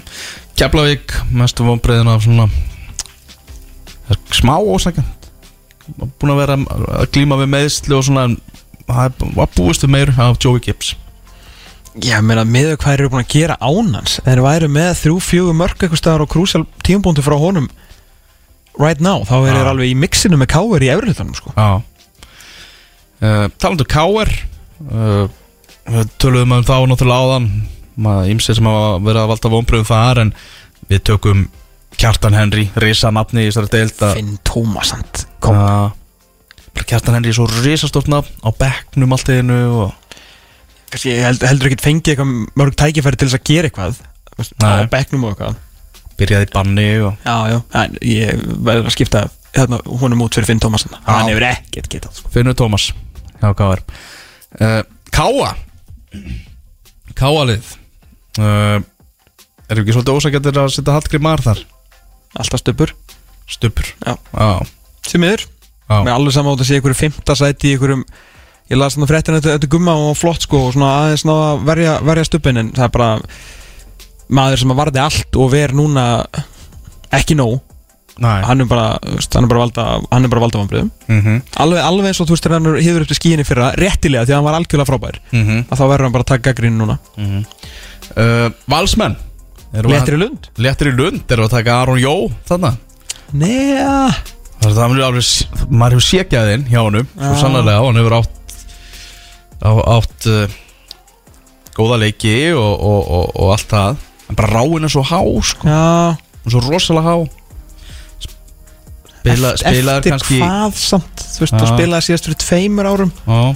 Og það var þá fyrsta tímbilað sér þrjú ár. Mm. veist, mér, fannst þetta alltaf skrítið allar að segja að hann væri bara besti leikmaður í heimi sko, fyrir þetta mót. Veist, hann, gæðin eru ævintýraleg, ég veit það sko. Ég er svona, Það verður engin kannski verið eitthvað svona svona kollektiv einhvern veginn bara slækir Já, sko. Já, það er nefnilega þannig. Svona Það hefur verið svolítið upp og niður hjá leikmönnum og Tryggvi Rapp, ekkert spes með Nei. það sem hann galdri þegar hann er fengið tækifæri skýtliður. Já. Uh, Það vantar Birkir Heimis á, svona, á einn eða tvo leiki hann hefur hans, svona, hans blara svolítið sprungið sko. Já. Ég er svolítið erfna að velja einhvern eitt sko. Já. Mér finnst enginn eitthvað svona standa upp úr hafa verið svona slagur eins og hjá mörgum mörgum liðum sko. Nei Þú veist, Gí er búin að spila mittur það er bara ósangjart að setja hann í þú veist volli vombriðum Já Og ég menna, þú veist, þannig tölfræðan í Halla Björns Það var bara Gía skora bara hátt í tölfræða markuru deildarinnar til að byrja með sko. uh, Víkingar. Jónsson. Ingvar Jónsson. Byrjaði illa á meiðist. Alltaf erfitt tímbili, hann var alltaf búin að eiga þarna nokkra mjög góða leiki áður en að segja meiðist sko, hérna í þessu landsleisferð mm. Með eitthvað annan í huga Ráin Há hjá Nikolai Hansen Eftir, Já, hann alltaf bara kennst allir liði sko, í dag er það ekki þá bara vonbrið? Nei, ég held Það að er bara maðurinn sem verður að einhvern veginn að hafa yngvar Þú veist, þessi þrý tapleikir eru svolítið bara svona, alltaf varnarleikurinn lélugur en ég held að ég verður að setja yngvar því miður, eins og mikið við elskan sko. Mm. Stjarnan menn Óskar Örd kemst ekki í liðið það, eru, það er bara ákveða skrít Já, bara besti leikmaður bara í, í sögu efstudeldar á Íslandi er bara fenginn til stjórnunar og þeir geima hann á bekknum. Já. Það er svona ósangjar kakot honum en svona vombriðin eru bara að við fáum þá ekki sjá hann og hann bara svona takt og bara Gústi segir bara taktist kemst hann ekki lið. Og bara gerir ekki hlut hann nýtist okkur ekki í þessum leikum þú veist sem hann- maður bara svona ha þetta er Óskar Örn Hauksson sko. Já. En það er ekki hægt að velja vonbrið í breyðabliki Það er ekki hægt. Nei við getum verið hérna til svona miðnætt til þess að reyna að finna einhvern. Sko fyrir þennan káarleik þá, múst, þú, maður, ég var að hugsa þetta í byrjun vikunar það verður svona, þú veist getum hent kannski Mikkel Kvist þarna, að sp- en þú veist, það verður, eins og segir, ósakett gafar tónum, Mhm. svo kemur hann inn í hana káarleik og er virkilega góður. Þannig að það er bara engin Nei þetta er- bara svona þú veist ef við vissum ekkert um fótboll þá myndu við segja Gísli Eyjóls Ó, en, en það er alls ekki þannig mm -hmm. vombrið kannski hvað Viktor Karl er búin að ekki ná alveg nógu mörgum leikjum en það finnur engin vombrið þessu blíkalegi þau er bara drekkið um á jákvæðni og, og skitleisrepp og allir vinnir sko. Uh, Förum aðeins í, í fréttir. Fréttur úr deildinni. Fredrik Skram, komin í val. Tjöfi, ég er búin að býða svo lengi eftir sko. Akkur er ekki löngu komin ykkar já Hann var ekkert aðalmarkmann í það svona, þetta var þróaðast þannig Hann meittist í uppáða tímabils Ok. Og þá eh, styrkti Lingby sig þarna rétt fyrir mót Með því að fá tvo markverði held ég Til að fara með rétt mál Og uh, Fredrik Skram einhvern veginn endaði sem þriðji markverður Spilaði eitt deildarleik Og það vill svo skemmtilega til Að ég sá þann deildarleik. Það var akkurat í lokaumferðinni Þegar ég fór út. Þá var hann milli stangana Í leik Lingby og Frederikja og hann var stórkostlegur. Því líkar vöslur sem hann tók maður, veist, maður var bara nýbúin að horfa á úrslitaðleik meistaradeldarinnar og maður var bara, heyrðu, Courtois hérna var að framist Hann er með sama ramma. Já, hann var, hann var bilað góður í, í þessum leik og bara ef við miðum við þann leik þá er hann að fara að vera helviti góður fyrir valsmenn. En er það bara að fara í markið í næsta leikja valega? Þú veist, er má skráan? Eða er þú veist, þarf að býja eftir glugganum, er það í neyðaropnun eða? Já, það er góð spurning sko. Hann er alltaf ekki komið félagskiptið held ég. Nei, ok Það er hvort þið bara eftir þrjá daga en það skýtur ekki um máli, sko En hann skrifaði þetta samling sem gildur út uh, 2024 og ætlaði að búa að semja við Lungby Hvaða mótil er hann? 97? 8? Það er mjög góð spurning sko Kíkjum Nei, á 95, er hann ekki jafngamall 95. Já, hann er jafngamall og, og, hérna, og Rúnar, já það. Já, gammal og hann Hann er 95, 27 ára gammal Nú bara, Fredrik, nú bara kemur hingað og verður bara stjarni í þessari deild, spila bara fyrir val, tekur hérna góð tíu ár, lærir íslensku bara, þú veist, og verður bara svolítið heima hefur Já, kann eitthvað íslensku? Já, Já. Ég, er, ég er rosalega ánæg, ég er búin að býða í mörg ár eftir að fá hann mann í deildina. Já. Ég held að þetta myndi gerast miklu fyrr. Þetta er alveg virkilega skemmtilegt. Vissulega mjög leðilegt fyrir minn mann, Gís Mitt En, en svona er bransin. Svona er bransin. Svona er bransin og, og boltinn og Fredrik Skram er Færðu ekki bara gí eftir heim? Já, það er spurningin. Glöggin er opnað Spurning hvernig þetta þróast allt saman. En já, þetta er Og þetta er um hérna Er þá Svenni sig ekki aftur hann þriðji markur eins og hérna um árið? Já, er það ekki? Það held ég. En svona, já, Svennis ekki ekki alveg komin ægilega sterkur inn svona í Þegar hann hefur fengið tækifæri og þurft að, þurft að stökkva inn, sko. Mhm. Það bara verður að, verður að segjast. En uh, þættunum bast uh, bref Og það var sagt að uh, Að um, Fredrik Skram hafi verið kiptið frá Lungby á svona cirka tvær kúlur. Nó, bara spotbrís Já, hafi verið með hjá Lungby á bylunu 500 til 600 þúsund íslenska krónur á, á mánuði. Hvað vol er þetta? Er vantilega að fá Dítil er það bref sem við fengum. Já, nokkur, ég, ég er að býða eftir því sann að fá skammið frá Freysa fyrir að, að þú veist, það er ekki náttúrulega hann sem er að segja mér þetta, það er Nei. annar fyrir að vera að fara með þetta, þetta í loftið. Nei, það getur sagt að það er engin sem tengist Lingby Ok, keftur og tvær. En tengist Danmörku hins vegar. Ok, þessi, þessi maður sem er að senda mér þetta. 5-6 skall manni, er þetta ekki bara svipað á hann að fá hér? Kannski aðeins meira. Já, það er náttúrulega kostnar að segja líka. Fyrir náttúrulega að hann fær vantilega íbúð þarna í, á valsvæðinu. Já, það er eitthvað af plossið þar. Það er eitthvað plossið þar. En já, sér, það er bara það er frábært að, að fá hann inn í þetta sko. ég, ég sá að skagamenn þeir voru að auglýsa eftir uh, uh, hvort að fólk ætti eitthvað í innbú. No þeir eru að standsetja íbúð. Er það fyrir Köller og Vallarann eða eru hérna, er eitthvað nýruleginni? Hvað er þeir búin að vera á tjálsvæðinu bara hinga til? Já, veist, kannski er bara búin að vera á dínu eða eitthvað. Ég reynda að hlera þetta eitthvað fyrir þá Já. Og danskur strækir er eitthvað sem að vera að tala um. Næ, þetta gleði með þessu mæet já, það sé að koma danskur strækir í ía. Ok, ok, ok. Það er eitthvað. Fleiri fréttir eða? Fleiri bref? uh, Alltaf alltaf heldur að káa gerir ekki eitthvað í glukkanum það? postkassin er opinn en þeir eru með einhverjar bara einhvað slúður hendið á okkur eitthvað, eitthvað úr íslenska boltanum, eitthvað skemmtilegt En stóra spurningarnar eru mm. Stóra spurningar eins og Páll Óskar og, og hérna, Byrnirsungun og Mm. Fara Ísak og Kristallmáni Núna Annarkor eða hvorur Það var ég meina fara núna Ekki þú veist Mögulega seldir en fara til mót Eða fara bara núna? Hvorur Hvorur? En heldur að verið báðir semst, formulega samt keftir en klára mótið núna? Mm, já þessi, bá, þú veist, hvorur þeir eru að fara að vera að spila á Íslandsmótinu á næsta ári. Nei, nei. En þú heldur að klári Já. báðir Íslandsmóti ár? Já, Já. Bara frá þínum munni til uh, Erna sko Almættisins. Takk þurfum að hafa á þetta er náttúrulega bara ágískun sko Já, ég veit, ég veit, ég veit bara En það ég held einhvern veginn, ég held að Ísak hugsi það að sé best fyrir hann að þú veist bara að klára þetta algjörlega til með breyðabliki núna bara En þar, það þar, til, þar til hann er búin að lifta byggarnum og allt Já, sko já, ég, ég er sammálaðir. En önnur stórspurning Mm. er náttúrulega hvertir er að fara Já, Því að þeir eru að fara til Skandinavíu Mm. að þá er alltaf lagi að fara eftir mót skilur, þá bara náðir ekki einu svona í restinni eða, neða samt erfitt, því að mótið það er bara svona eða að fara á stað, sko, þannig að þú getur raun og verið tekið þátt í mótinu, annars þetta bara fara að mæta inn í prísísson um, en ef, kannski sérstaklega með Ísak, því hann er með eitthvað svona smá petigrífi frá til dæmis frá Englandi að ef eitthvað næri til að lifa Englandi eða veist, Skotland aftur þá var hann kannski fór eitthvað, eitthvað aðeins í raskat hjá hann eitthvað á Skotlandi, ég veit ekki alveg hvernig reppið hans er þar. Agabanni, var ekki hann það?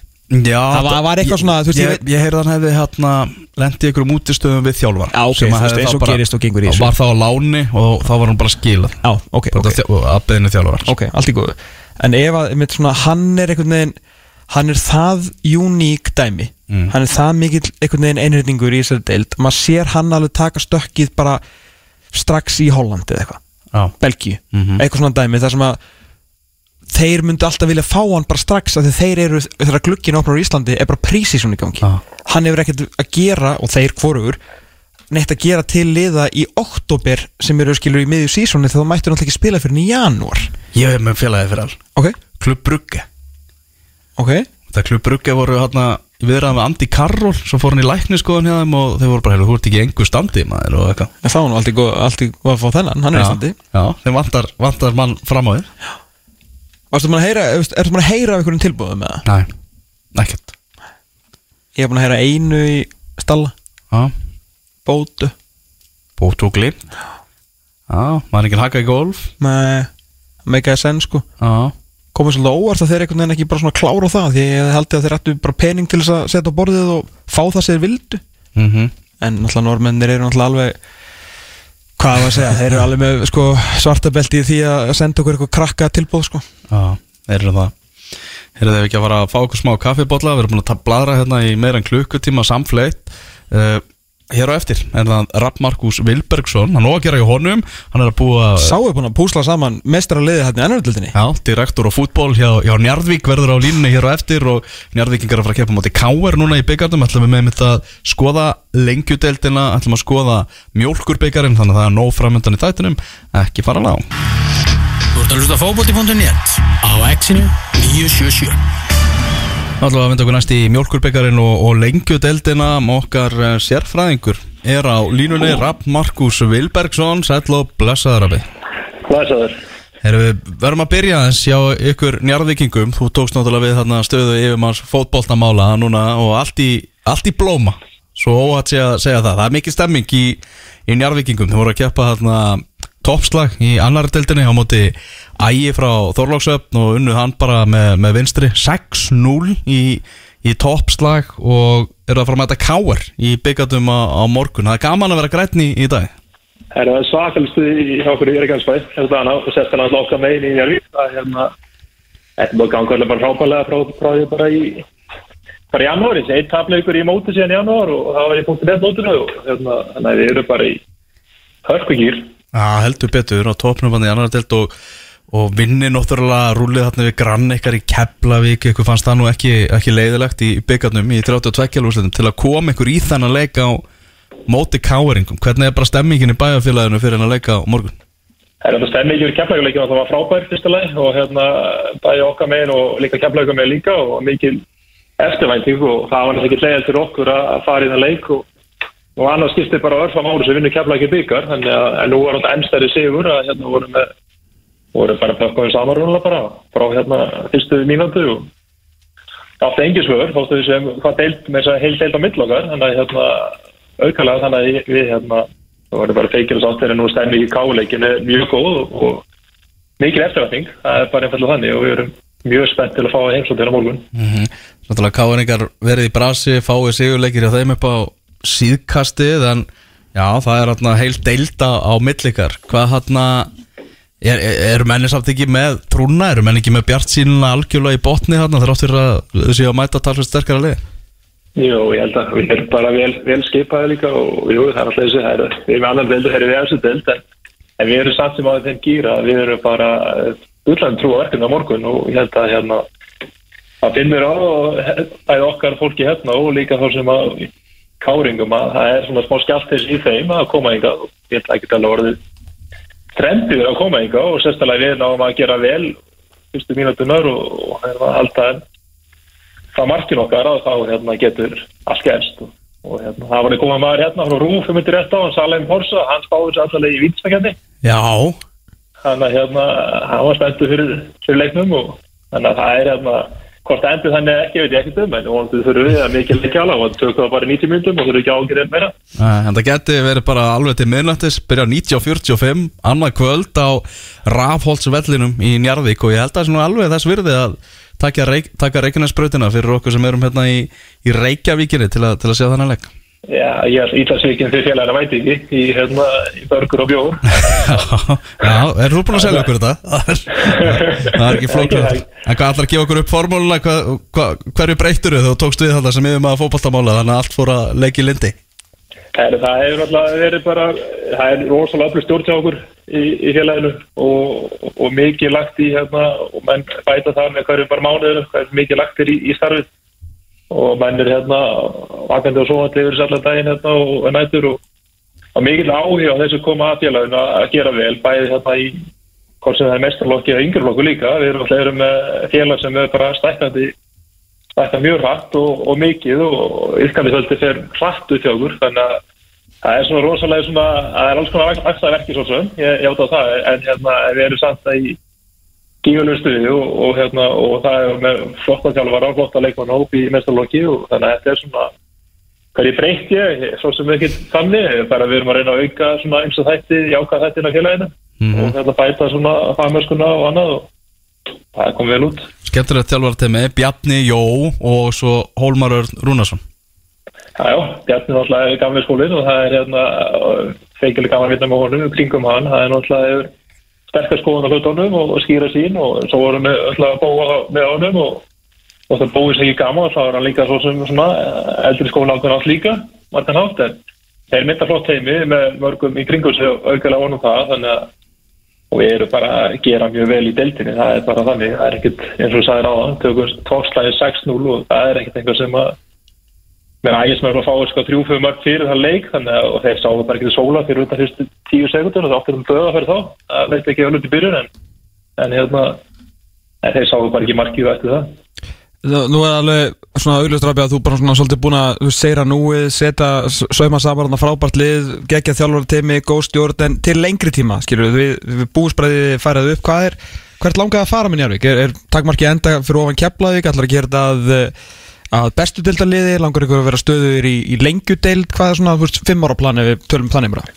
Sko við erum líka erum að sauma saman stefnu félagsins núna og Já. erum hérna sem er að koma út bara næstu vikum og það er tökum alveg frá yngstu hópum upp í upp í hérna upp í mestalflokk og, Ok. og það eru líka auka við kvennastarfið og þetta á mestalflokk kvenna eftir bara örfa ár og, og hérna þar kemur fram sem það er mjög stefnunu að, að hérna þá ætla okkur að verða eitt af hérna verða stabilt lengindalið til að byrja með. Það er Ok. okkar grunnmarkmið og komast þangað. Því að ef við komumst ekki þangað þá náttúrulega við viljum að hætta þessu jójói milli, milli delta og, og ná því að vera svona ekki alltaf svona taldi vera það að leiðinu upp og leiðinu niður sem er svona að vera bara síðan bara, bara þessu öll sem við komumst til stuð þannig að hérna það er okkar markmið að gera ekki vel bara í stuttartíma en að gera vel í lengri tíma. Og það er eitthvað sem að hérna að að verða að vera stærri kepla, að gera meiri kepla það er ekki stóra markmið okkar. Það er alltaf okkar bara að gengur vel þá það er bara mjög gott. Og það er bara ja, við vill enginn okkur þeim gangi illa þannig að hérna við þurfum það sem að vera að gera þannig að hérna að við ætlum að koma okkur og hætta þessu jójó Ok, ok. Ágælega Þarna, já, svo segjum 1945 annað kvöld en við ætlum að þetta ræða hans við þig um lengju deildina þangað sem að þið njarðvikingar stefnið og, og, og reynið að komast og bara tala um það áður þessi deildin er náttúrulega alveg biluð alveg þvílík þvaga. Það eru hérna sjöstig frá efstasætinu og neyri sjönda sæti, það eru allir hérna í pakka og, og þessi, þessi byrjun það er galopið hver er að fara upp úr sér deild. Já, mann finnst alltaf einhver lið vera að, að hérna mista lestinni í þessu. En svo einhvern veginn bara tveimum fyrir síðar er bara að liðið koma aftur upp bara í gullandi baratu um uh, við stáðum svo alltaf hérna við rættum þetta hana í, í hvað apríl að mæ að hérna við tölum þetta með fylgismenn sem svona alveg favorit og allir sem að vera bara fyrst sæti er þið bara eða þeirra. Mm þeir þetta er að, svona að koma til og er að koma, konin aftinni bara í þriða sæti og, og hérna og eru svona bara mjög nála þessu þannig að það er ekkert að fara vegi en svo sem svona ganga kannski aðeins síður þetta byggust við en, en svo er þetta botlið einn tvö sem að eru í brasi og byggust við þórstur með sterkari, það var einfalda þannig. Við Já, heldum í maður líka að finna að setja sæti og afturvilding er að klára þessu upp og svo voru tölum, eða maður rétt, ekki 7-8 lið sem við erum bara hann í bara með annarsæti og hérna það verður svona að vera svona deildin að spila svona svip og við kannski byggust við.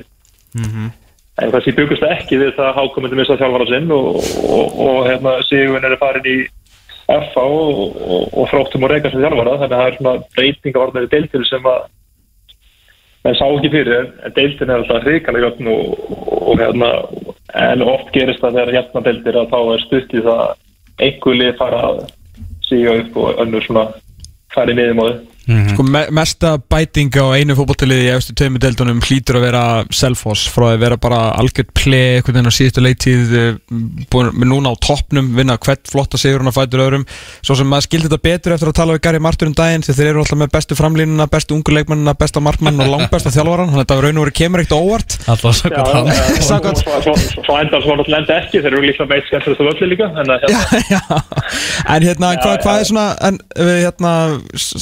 öllu líka en að Já, hérna já. En hérna, hvað, hvað er svona en, við, hérna, s- s- svona svolítum aðeins það sem að Gary sagði, hvað, hérna, hvað finnst þér um þetta selfhúsli? Af hverju eru þessi svakala breyting og bæting á þeim?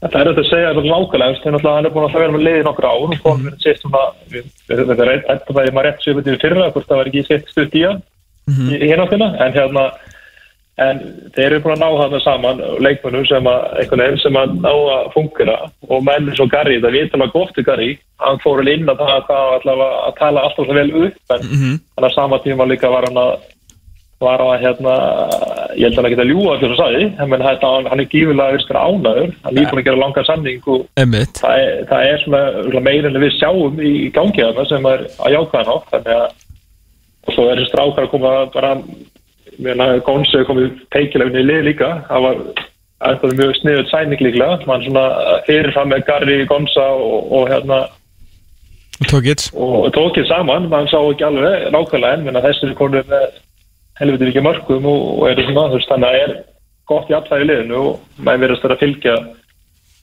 fylgja bara tímastinni allan átt Já, þetta verður spennandi að sjá hvernig þeir Það verður flottur leikur hjá þeim hann í byggarnum á móti vikinga á þriðutæðin Ég held að það verður- verður gleði hérna á, á Self- Selfossi. Þarna saman því. Liðið sem er í öðru sæti Háká.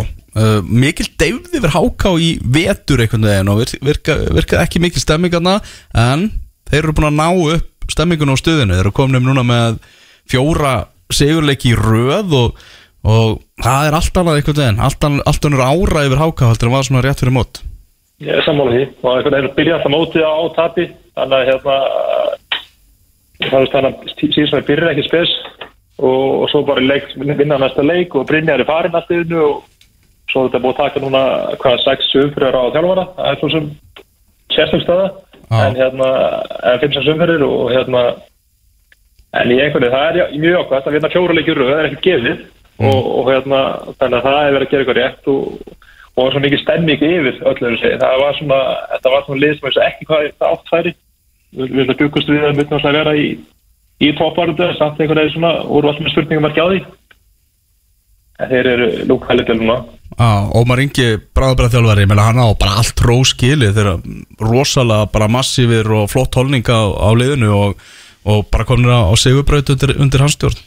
Já, það klárlega, með líka flott viðtalega í eftir síðasta leik. Já, hvernig hann svona besa eftir, eftir og heiðalög með það hann er tilbúin að halda áfram, það er líka tilbúin að vera partur af að þjálfara teiminu í annan hátt og þannig að svo sem ég veit ekki hver stað að vera með þjálfara mál þar en, en hérna hann er allavega svona að spila vel úr þessu sem hann er með okkur í gangi núna og, og alltaf kannski ekkert flókið og þannig að vinna fjóruleiki í röðu þannig að er stýttist í að þessi svona verið að gera krafa að þú taki við liðinu Já, og náttúrulega bara, hann bara náttúrulega með háká blóði í æðunum og bara tilbúin að gera allt fyrir þannig klúb Já, já, klárlega, og mér varst bara þessi flokk að það setja upp sjálfur, hvernig hann ætlaði sér að hérna, að sér sig sem kjálfara sjálfan, þess að ég er ungur og allt það, en samt er ég tilbúin að stíða það skref, menn er klárið það, annars ekki, þannig að þetta er svona ekkert, röng nálgunni á honum. mm, Sóknarmæðurinn Stefán Ingi Sigurðarsson hann er að fara út í, út í nám. Uh, Það er klárt mál að hákáðingar í þessari stöðu sem eru í núna þau eru að fara að sækja sér strækjar í, í glugganum Já, menn ef, þeir ætla sér að fara alla leið með þetta og eins og om að fóra inn á, við erum maður ekki orðað nákvæmlega á raungu stað við ætlum okkur að vera á réttu stað og það er alltaf lítur að vera eftir deild og þá lítur það líka því að það þeir sem eru standa bak við lið þurfa að sækja þá leikmenn í það, eða það er eitthvað sem menn ætla sér að gera mm -hmm. Þannig að fylgismenn í þriðja sætinu ekki verið kannski svona jafn sannfarandi og, og menn voru að búast við en á deginum sínum eru þeir bestalið tildarinnar Það það er klárlega þannig og það er búin að vera smá svona jó-jó, ég meina sigur, tap, jætteflu sigur, tap, þú veist, þannig að þetta er ekki hverski sem að Rúna Fótt vill, það vill svolítið vera með þarna þetta rekord til þessu, þannig að í leikjónum og, og hérna, en ég held svona að sigur í síðasta leik, það er svona smá steipað til ánum og, og liðinu og, og ég held að endanum við ekkert stoppa fylki en þeir þurfa samt sem að vera að passa sig að ekki, haldi ekki ákvæða þessu rekord, það er alltaf lenda mögulega í press en en ég held að þeir eru með það sterkli og sterkar hóp og sterkar þjálfara að þeir muni alltaf komast þér upp úr í sér tvörsæti mm -hmm. Kjartan Kári Haldósson í gróttu er hann besti leikmaður lengjutildarinnar ringa til? Þegar ég ætla að hérna leifa hann að vera það ekki alveg Ok en ég, sem mér, mér finnst sko að sem mín sko alveg, hann er klárlega besti ungi leikmaður og ef ekki besti leikmaður en, en hérna ég ætla að setja það, kannski tökum það eftir, ég veit ekki hvernig það var það Nei, ég við tökum það bara núna. Ég ætla, ég ætla að hendur svo á Gonzalo besti leikmaður deildar að hinga til. Já, og hvernig það hans input inn í lið og ég held að það sé bara gífilega mikið er, hvort sem það er í hérna hvort sem það er inn á skórun eða leggjum mörg eða inn í klefanum eða kringum þetta hvað sem er. Þannig að hann svona aftur til annað sé jákvæmt inn í félagi Mhm. og þannig ég held að ég held að gefa Gonzalo hérna þann titil hinga til en, klárulega er hérna kjartakári náttúrulega sá leikmaður sem er bara að springa út og þetta er stráku þetta er 2003 og komið strax með bara fjölda mörg í deildinni bæði núna og, í fyrra. Og það er eitthvað sem að hérna ég held að sé stutt í það þessi lið í stærri lið í Íslandi muni kíkja á hann alveg Það eru tveir markaðastu leikmennir í deildinni Kjartan Kári með sjö fyrir gróttu og Gonzalo með sjö fyrir selfisinga uh, Grindvikingar uh, þeir eru ekki búin að tapa leik en hins vegar um, með 13 stig í, í 5. sæti deildarinnar Þeir eru svona, er ekki mikið skorað í Grindvíkuleikunum? En það ekki hérna, það er samt bara þetta einu dag eftir leikið í vestum, það getur komið í annarsæti þannig að hérna það er náttúrulega með sigri þannig að það er spurning hvernig en við erum samt að sjá sama svona segja, samu uppskrift kannski þessi ákveðin hátt í jættablónum og síðust ár, við tókum það sama manni í fyrralók síðust tímils, jættabli síðust tvö ár og þau voru alltaf áralega mörg með hefði mörgunni félug þannig að hérna en ég held að alltaf ef hann er að halda markin áfram svona að reynu og þá þarf hann ekki að skora mikið þá er þetta aðeins öðvöld en, ég held að þetta er svona skemmtileg skemmtileg hvernig er að hérna gera þetta en, en gaman ekki að sjá að Dagur Ingi er að skora og, og mikið grindisku strákum er að, að spila líka. Það er eitthvað sem er gaman að sjá þannig að það verður að vera svona góð blanda þannig Fjölunsliðið uh, Það er uh, svona halla undan fæti hjá þeim. Hvað getur þú sagt mér um grafásliðið? Tveir tapleikir í röð hjá þeim og, og jafntefli í leiknum þar á undan? Eins og við rættum þetta líka fyrir að við í sömur að það er eitthvað svona, ég sé ekki bara nógu mikil kraftur og stemmingi kring lið það eru svona leiðina sem eru að spila á hana er ekki alveg með árbjörnsríkar og þeir eru bæði að fá ábyrðafingi mörgum á sig og svo skora líka slatta en, en ég held að þetta sé bara þetta verður ekki tíumfjölu þeirra held ég og, og þetta er þeirra stað held ég að vera hann í, í fjóra til sjönda sæti og þetta er svona það sem að ég sé út úr því eða hvernig svona þeir koma inn í tíðanbilið, bæði fyrir tíðanbil og, og inn í tíðanbilið. Og klárt mála, og er klárt mála Kortrengir vilja gera allu að því að enda í tveimur á estu sætum deildarinnar. Er sem stendur í sjönda sæti, búin að vinna tvo leiki og við talum um það áður í þessum þætti að pendullin er að fara í öfu átt svolítið í leikjunum hjá með að við fyrra. Uh, en þeir, þeir eru bara stálheppnir kortinegir, hvernig deildin er að, er að spilast? Að þeir eru þrátt fyrir að vera í sjönda sætinu þá er ennþá alveg möguleiki á að, að tróða sér þarna upp og þarf ekki að tengja marga sigurleiki og þá ertu bara allt í einu komin þarna við topin Já, það stemmingin alltaf vilist ekki alveg vera svona, með þeirra saga er það er náttúrulega saga þeirra náttúrulega bara að vera stofna það er bara sigur og sigur og sigur en þeir eiga sem framöða núna leiki gróttu, afturölding og þrótt og þannig að þetta er svona og svo kemur fylgir og þór þannig að það er svona leiki framöða sem það getur að færa að taka stig. Með, með sterkur sigur á mútið gróttu þá er afturölding og þrótt í framhaldi og þá er kannski komin alltaf möguleiki sem að fara bara að kýfa sér vel upp. Ef þessi leiki klikka, þessi þrý leiki klikka þá er sísónu orðið bara erfitt og leiðilegt það mm -hmm.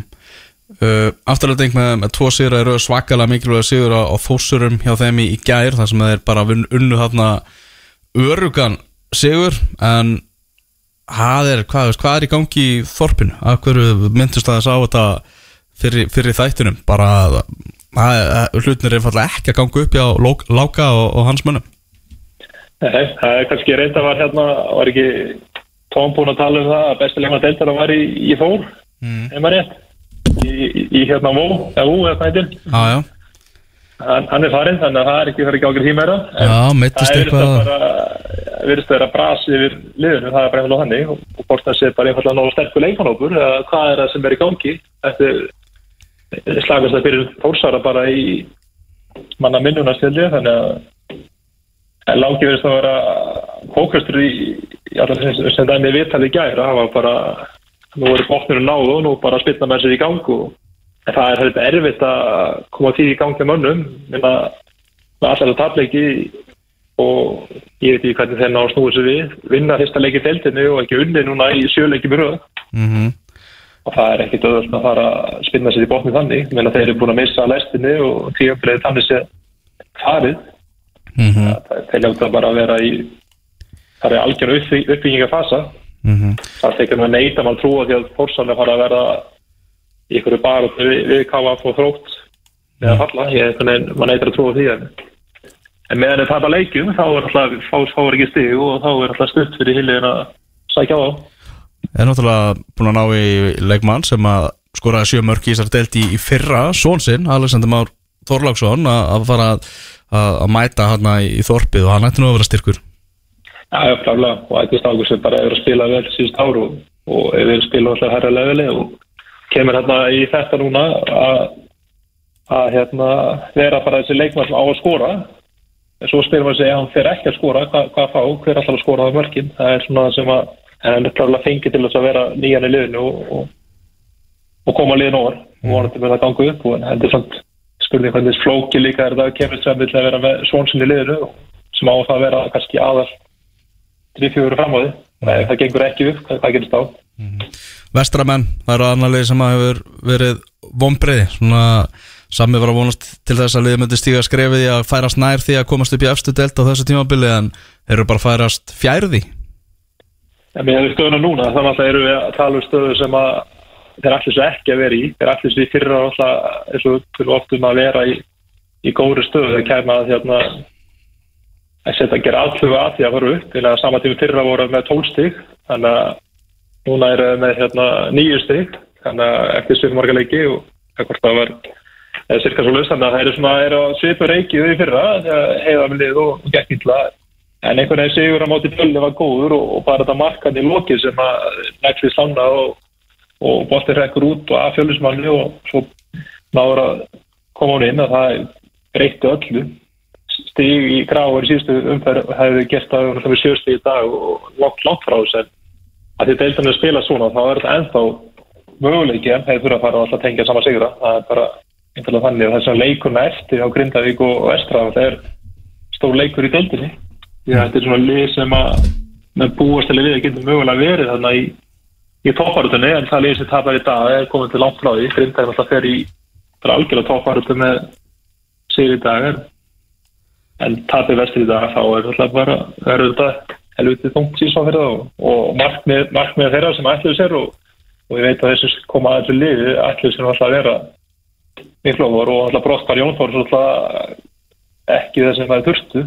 Að Jón Þór var að koma stað með lið og, og hefur verið gaman að sjá Jón Þór að vera með lið í sumar og sjá hversu langt hann hefur náð að taka það. Mm, Hann væri með það talsvöld over Ég ætla bara að fullilega það Já, sko, það er það að halda áfram þessu sami velferð sem voru í. Það er það sem að kannski sami svona, þetta sakna mest. Það getur ekki byggt og eitthvað annað og þótt að þessi koma félagi sér alltaf byggja hún allt kringum þetta, þá vantan alltaf að þjálfari líkil aðeins í því að tengja saman ár og tengja saman mannskapin og annað.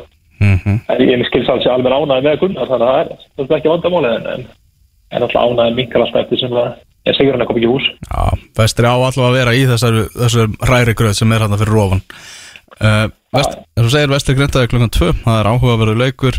Uh, Rabbi, bara afskaplega gaman að- að heyri þér. Já, sömulegis, og bara sjáumst á morgun, þið mætist feskir á náatúndin heldur betur, heldur betur. Og eh, þið getur fengið græna búninga yfir lið og verið grænir. Já, já, það fyrir ekki það. Eh, Bara körfuboltabúning. Já, Það er svoleiðis. já helst sem að Teitur Örlaugsson hefur spilað í. Já, 11 á mig takk Já, ekki, við sáum það og þið gerði það ekki, það var gott. Já, mjög gott, mjög gott. Heldur betur. Teit- Teitur að lýsa þið yfir að gullaldar árum káir væri einfallega lokið. Já, og þetta engin, engin skari, engin vandræði, það er ekki hlutist. Alveg gott að þið verðið eplið í, í götu káringa á morgun Það kemur ljós. Heyrjumst minn, bye bye Bye bye Sjá það, bæ. Herru, ég fór á Autopark Það sem að tvö neðstulið lengjadildarinnar mættust hérna í, í vikunni. Kveðjuleik venna Já, kveðjuleikur venna og Sigurður Víðisson sem að nú er tekin við KVAF var meðal áhorfenda þarna. Uh, Brynja Þó Gjersson náttúrulega við stjórnvörinn hjá Þrótti Vógum og ég hefði það að það væri bara að maður náli því að krota undir samning uh, við, Já, við það kemur nú óvart. Það kemur ekki orð, bara frábært skref fyrir þá að, að fá hann bara, aftur. Algjörlega. Já, og það var, hér, það var ekki verið að fara að tjalda til einna nætur þar. Ok, Það- gott, Það er ekki bara eitthvað að klára tímabili það, hann er að fara bara í vekkferð með þrótt vóðum sem að svolítið svona já, týndu svolítið gildunum sínum í, í uppáðið tímabils.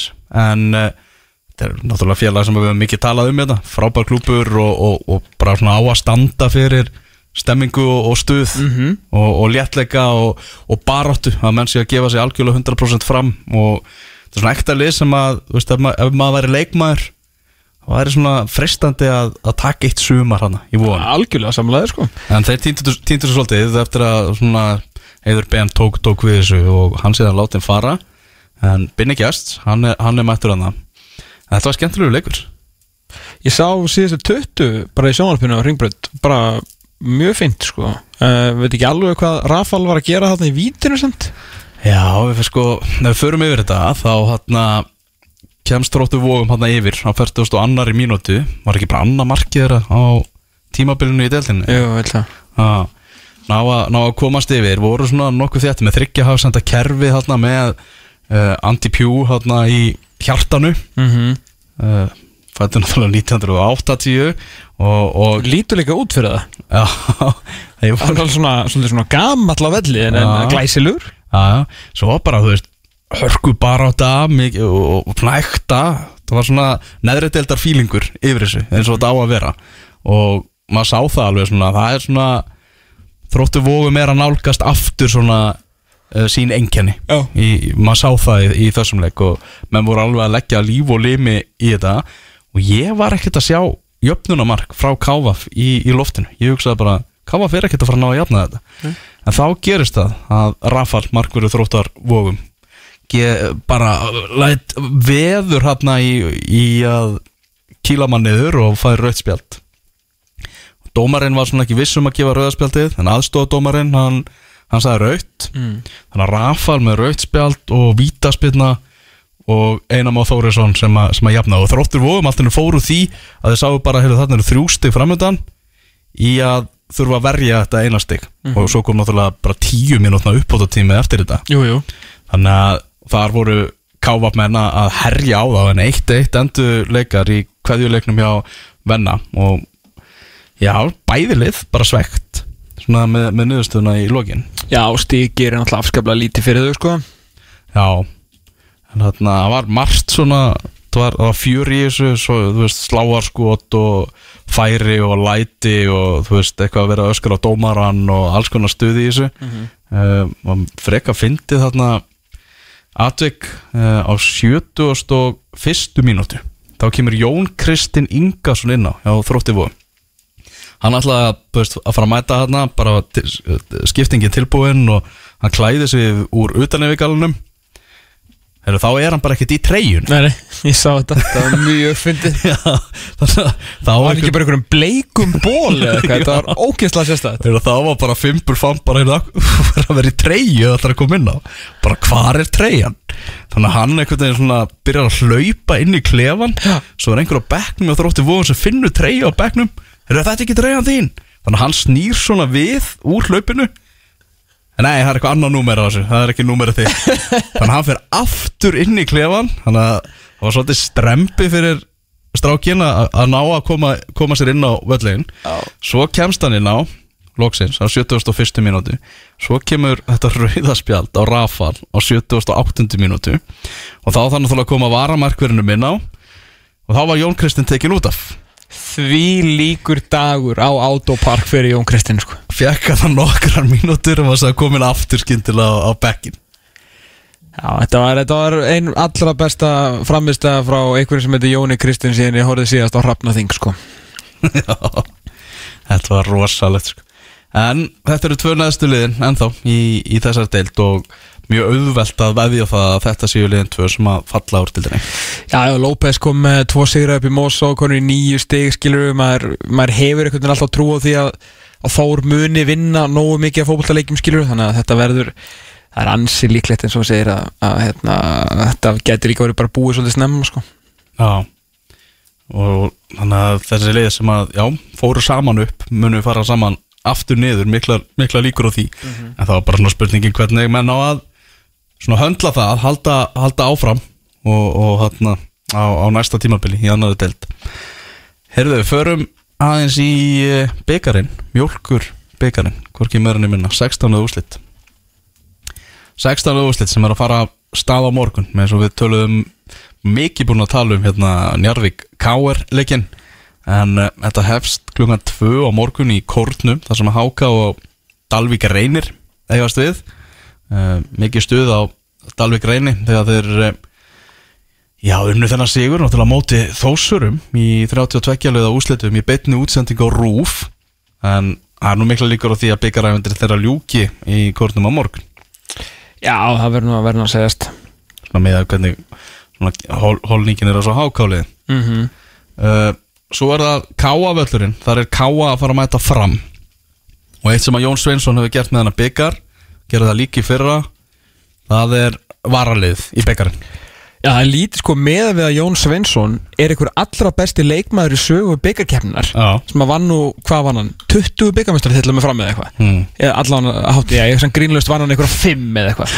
Starta hann ekki ángriðis 5 úslaleiki í byggarnum með veist, hann er bara, hann er bara cup legend. Ah. þá ber hann alveg merkilega litla virðingu fyrir byggarnum með að vera einn mesta byggar góðsum allan tíma sko. Já, ég, en hérna já, hann ekki, ég er auðvelt að setja pening og káa á morgun út af þessar ástöðu sko já Svo hérna á framsíðunni Stefán Pálsson skrifaði í pisli sínum ef við þekki Jón Sveinsson rétt þá mun hann tefla fram þriðja flokknum í þessum leik en við munum samt vinna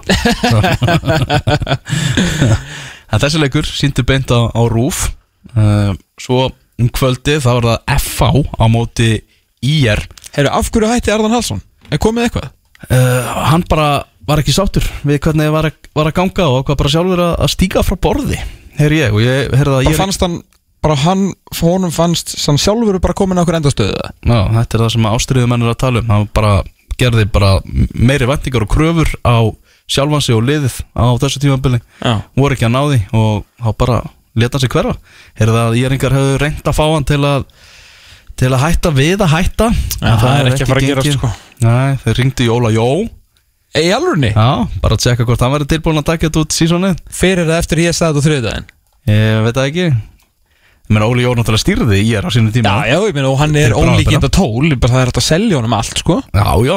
Að Alltaf að taka símtali Óla Jó, sko. Alltaf, Hann auðvitað. fór á landsliðin í hauka, glemir því aldrei. En ég held að hann alltaf að taka golf út sumarið, Óli Jó Þannig að hann sagði, ok. hann sagði nei við þessu. Þannig að þetta er F.A. ge- Þetta er Eidur Smári gegn Eyjólfi Héðinsinni sem að mm. Já, stýrði liðinu það gekk nú ekki vel hjá Jæringum í, í fyrsta leik eftir að Arnar Halsson fór, töpuðu 0-3 Já, á heimavelli á móti haugum og uh, það er auðvelt að spá örugum sigri F.A.inga í þessum leik annarkvöld mm Tværi fyrir batnastjörnur þarna mætast Eður Smári og Egil Hjarsson Barnastjörnur. Þeir voru það. Já, þeir voru það á sinni tíma og náðu sann að fylgja því ákveðlega eftir. Vissulega, vissulega, gekk Já, ægir fylgir á Þorlákshafnar Er velli. þetta ekki svolítið á að vera leikur? Þetta er sexy leikur Æ, er þarna í öðru setun í, hérna, í annar deildinni Þú veist Reyndar svolítið sjálfströðstið svolítið kramið úr þeim hérna móti Jú, njarðvíkingum jú, jú, jú, en samt svona, þú veist, fylgið þarf að fara í Þorlókshöfn og kannski eitthvað smá vannmat og menn svona aðeins að vakka sér eitthvað, skilju, þetta geta alveg verið erfitt. Já Hvernig spáður Njarðvík K.R.? Ég ætla bara, ég ætla bara að segja að Njarðvík vinni þetta. Já Já, Þú ert bara þannig fíling já, ég er bara þannig fíling. Það er bara sóðu þó að sé norðanátt og þá er ég bara þannig fíling. Ég er þetta bara að halda með Njarðvík í körfunni síðan sko 92. Þú veist, ég er mikill Njarðvíkingur, sko. Mhm.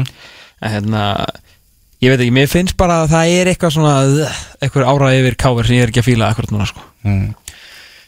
Kórdrengir afturhelding Það er leikur sem getur farið er- leið í vítakefni Þetta er mest óspennandi leikurinn í sextalunarslunum. Já Hann, er, hann verður bara í textalýsingu Já, já. uh, Í.A. Breiðablик Mhm. er, er á mánudagskvöld 1945 Megi bara stóri maður að vera með ykkur skamenn, Já gangi ykkur bara allt í hæðin. Og svo uh, síðasti leikur 16. úrstildana en svo sannarlega ekki sá sísti Úf, hvað ég er stressað fyrir þessu leik, sko. uh, Við erum að fara að kíkja á Selfoss á, þriðudagskvöldið Heimsækja Selfossinga og, og það er Selfoss Víkingur sem að verður í, í, í bóði Ég held að vera geggjaða leikur. Ég held að verður að leikur Já, Selfisingar alveg farast og sjálfströsti Gary Martin, alltaf góður gegn svona gömlu félögum Það verður pottið stappa á leiknum mm mm, Við ætlum að reyna að koma með góða verið með okkur. Sjá hvernig það gengur. Mm Og hérna, þetta vikingarnir einhvern veginn á milli Evrópuverkefna erfitt að stilla hausinn Hvað eru marga breytingar, Malmö einhvern veginn býður Fattur það? Er svona, Aha. það er svona, er svona snúið fyrir vikingarna Menna selfisingarnir geta bara kyrt á þetta menna, Þeir eru bara, þú veist, litlu hundarnir í þessu Og, og hafa ynga að tapa. Mm Þetta verður verða skemmtileg 16. úrslit Já, ég held að. Hva, Hvað er kapsitið? Og ekki segja Selfoss Köp, er, já. Er köpsett Já, ég veit þú þarft ekki En þú veist, ef ég píni þig í kapsit Ef þú pínir mig í köpsett Þá er það Njarðvík. Það ekki? Jó En ég Ég ætla að vera smá boring og ég held að vera ekkert köpsett Ok. Í þessum okay. Sérstaklega svona að þú ert að vera Búnir að fá köpsett svona í byggarnu núna Og köpsett eru ógeðslega óalgeng á Íslandi. Rétt. Það er, það er Það er við- oftast bara eitt Já, Og það er komið. Já, og það bara einhvern veginn var þannig Þú veist það búið bara í ár sko. Já. Ég held að sé þannig. Herðu, það er stutt þetta að þættinum Við komum hérna eftir smástund Það er réttrumar eh, tvær vikur í að stelpunar okkar sé að fara að spila eh, sinn fyrsta leik á Evrópumótinu á Englandi. Það er að fara að halda núna til Póllands Það er að fara að mæta í komandi viku eh, liði Póllands í vináttu landsleik. Eh, Það var opin æfing á lögadarsvöllin núna í morgun og Sæbjörn Stengi hann rætti við Þorstein Halldórsson þjálfara íslenska hvernig landsliðsins Það er steini, opinn, æfing, búinn, hvernig fannst þið svona að upplifa þetta bara? Það er bara gaman, það er bara margir sem mættu og bara jákvæmt sko, þetta er bara jákvæmtur hópin og gefur eitthvað svona svona bá bústund í framhaldið. Er eitthvað, er eitthvað skrítið að undirbúa svona æfingu? Er þetta bara alveg eins og önnur, hver önnur æfing? Það var náttúrulega það sem bara vennilega æfingi á okkur í sjálfu sér sko, eini munur náttúrulega það, það var tónlist hérna og svona sem að gerði svona aðeins öðru sér luti fyrir okkur eins og við vorum að stýra æfingunni en, en, en eitt var þetta bara skemmtilegt, bara stemming og öðru sig og bara jákvæmt að sjá fullt af fólki mæta og horfa á æfinguna sko. Akkurat, það virðist vera mikil svona já, áhuga á liðinu þessum hlýtur að vera jákvæmt einmitt. Já, tvímanlaust, það er bara frábært að sjá fólk mæta hérna og fylgjast með og hérna bara virkilega gaman og hérna þetta gefur leikmannum bara orku fyrir framhaldið og, og, og svona sjá svona raunverulega hver stuðningurinn er og, og bara virkilega gaman. Hvernig er svona staðana á Guðni og Elmett á þessu tíumbúndi? bara góð, Gu- Guðni Elmett er alveg heil og ekkert mál og bara í fín standi og bara á rétti leið og, og hérna í góðu leið en Guðni er bara á nákvæmlega þeim stað sem við byggust við og planið var alltaf að hann væri komin á fullt ef við varum út í Pólandi og, og við sleftum eina sem við sleftum í dag var bara spilið og hérna hún verið komin inn í það eftir 2-3 daga. Þannig að bara á, á þriðdæðin þannig að það er bara allt í góðu. Og höndina á Cecilju í toppstandi? Það mjög vel, það sást nálega hérna í skotæfingunni hérna áðan að hún er í góðu standi og bara virkilega jákvæmt allt saman þar og, og bara allt samkvæmt plani varandi hennar meðsli. Hvernig er svona, bara núna er ykkur tvær, tvær vikur í, í, í fyrsta leik, hvernig líst þér á þetta allt saman? Bara vel, bara, við erum bara hérna undirbúið okkur núna undir pólnansleikir umverulega og förum að æfingu hérna á morgun og tökum smá taktíska æfingu hérna á morgun, förum gegn hluti og hérna síðan er það bara ferðardagur á mánudaginn og æfingu á þriðdaginn fyrir leik á þriðdag og svo bara þurfum við bara að ná góðu leik í Pólandi og um það stýstur um okkar hlutur í dag að, að undirbúið okkur bara um hlutur en æfinguleik. Ég sá að Sara Björk skrifa undir í Juventus í gæður, fekk frí, eða frí, fekk að fara út til Ítalíu, trublar það eitthvað undirbúningin? Nei, við taldið það bara rétt að hún myndi klára þetta strax þannig að spurningaflömi myndi hætta og bara hennar eh, hérna, staða væri bara hann klár og hún getur bara sér í EM að einæng til eða frá er ekki eitthvað vandamál þetta snýst bara það hún klára þetta og, og viti sína framtíð og getur bara fókus á engang okkur eins og daginn í dag Ánæði með þetta að skrifa hjá henni? Já, bara mjög flott, Jóns er flott klubur og er að gera frábært hluti á Ítali og hérna, ég held að þetta sé bara virkilega gott skrif hjá henni Takk fyrir þetta. Já, þökkum að Sæbjörn Stænka fyrir þetta frá hlaupabrautinni á lögadagsvelli að ræða við Þorstein Halldórsson landslýstjálfara Já, þetta var mikil stemning í þessu vitali Já, þetta var svona partí við Steini, hvað er hérna? Cecilia að vera klár?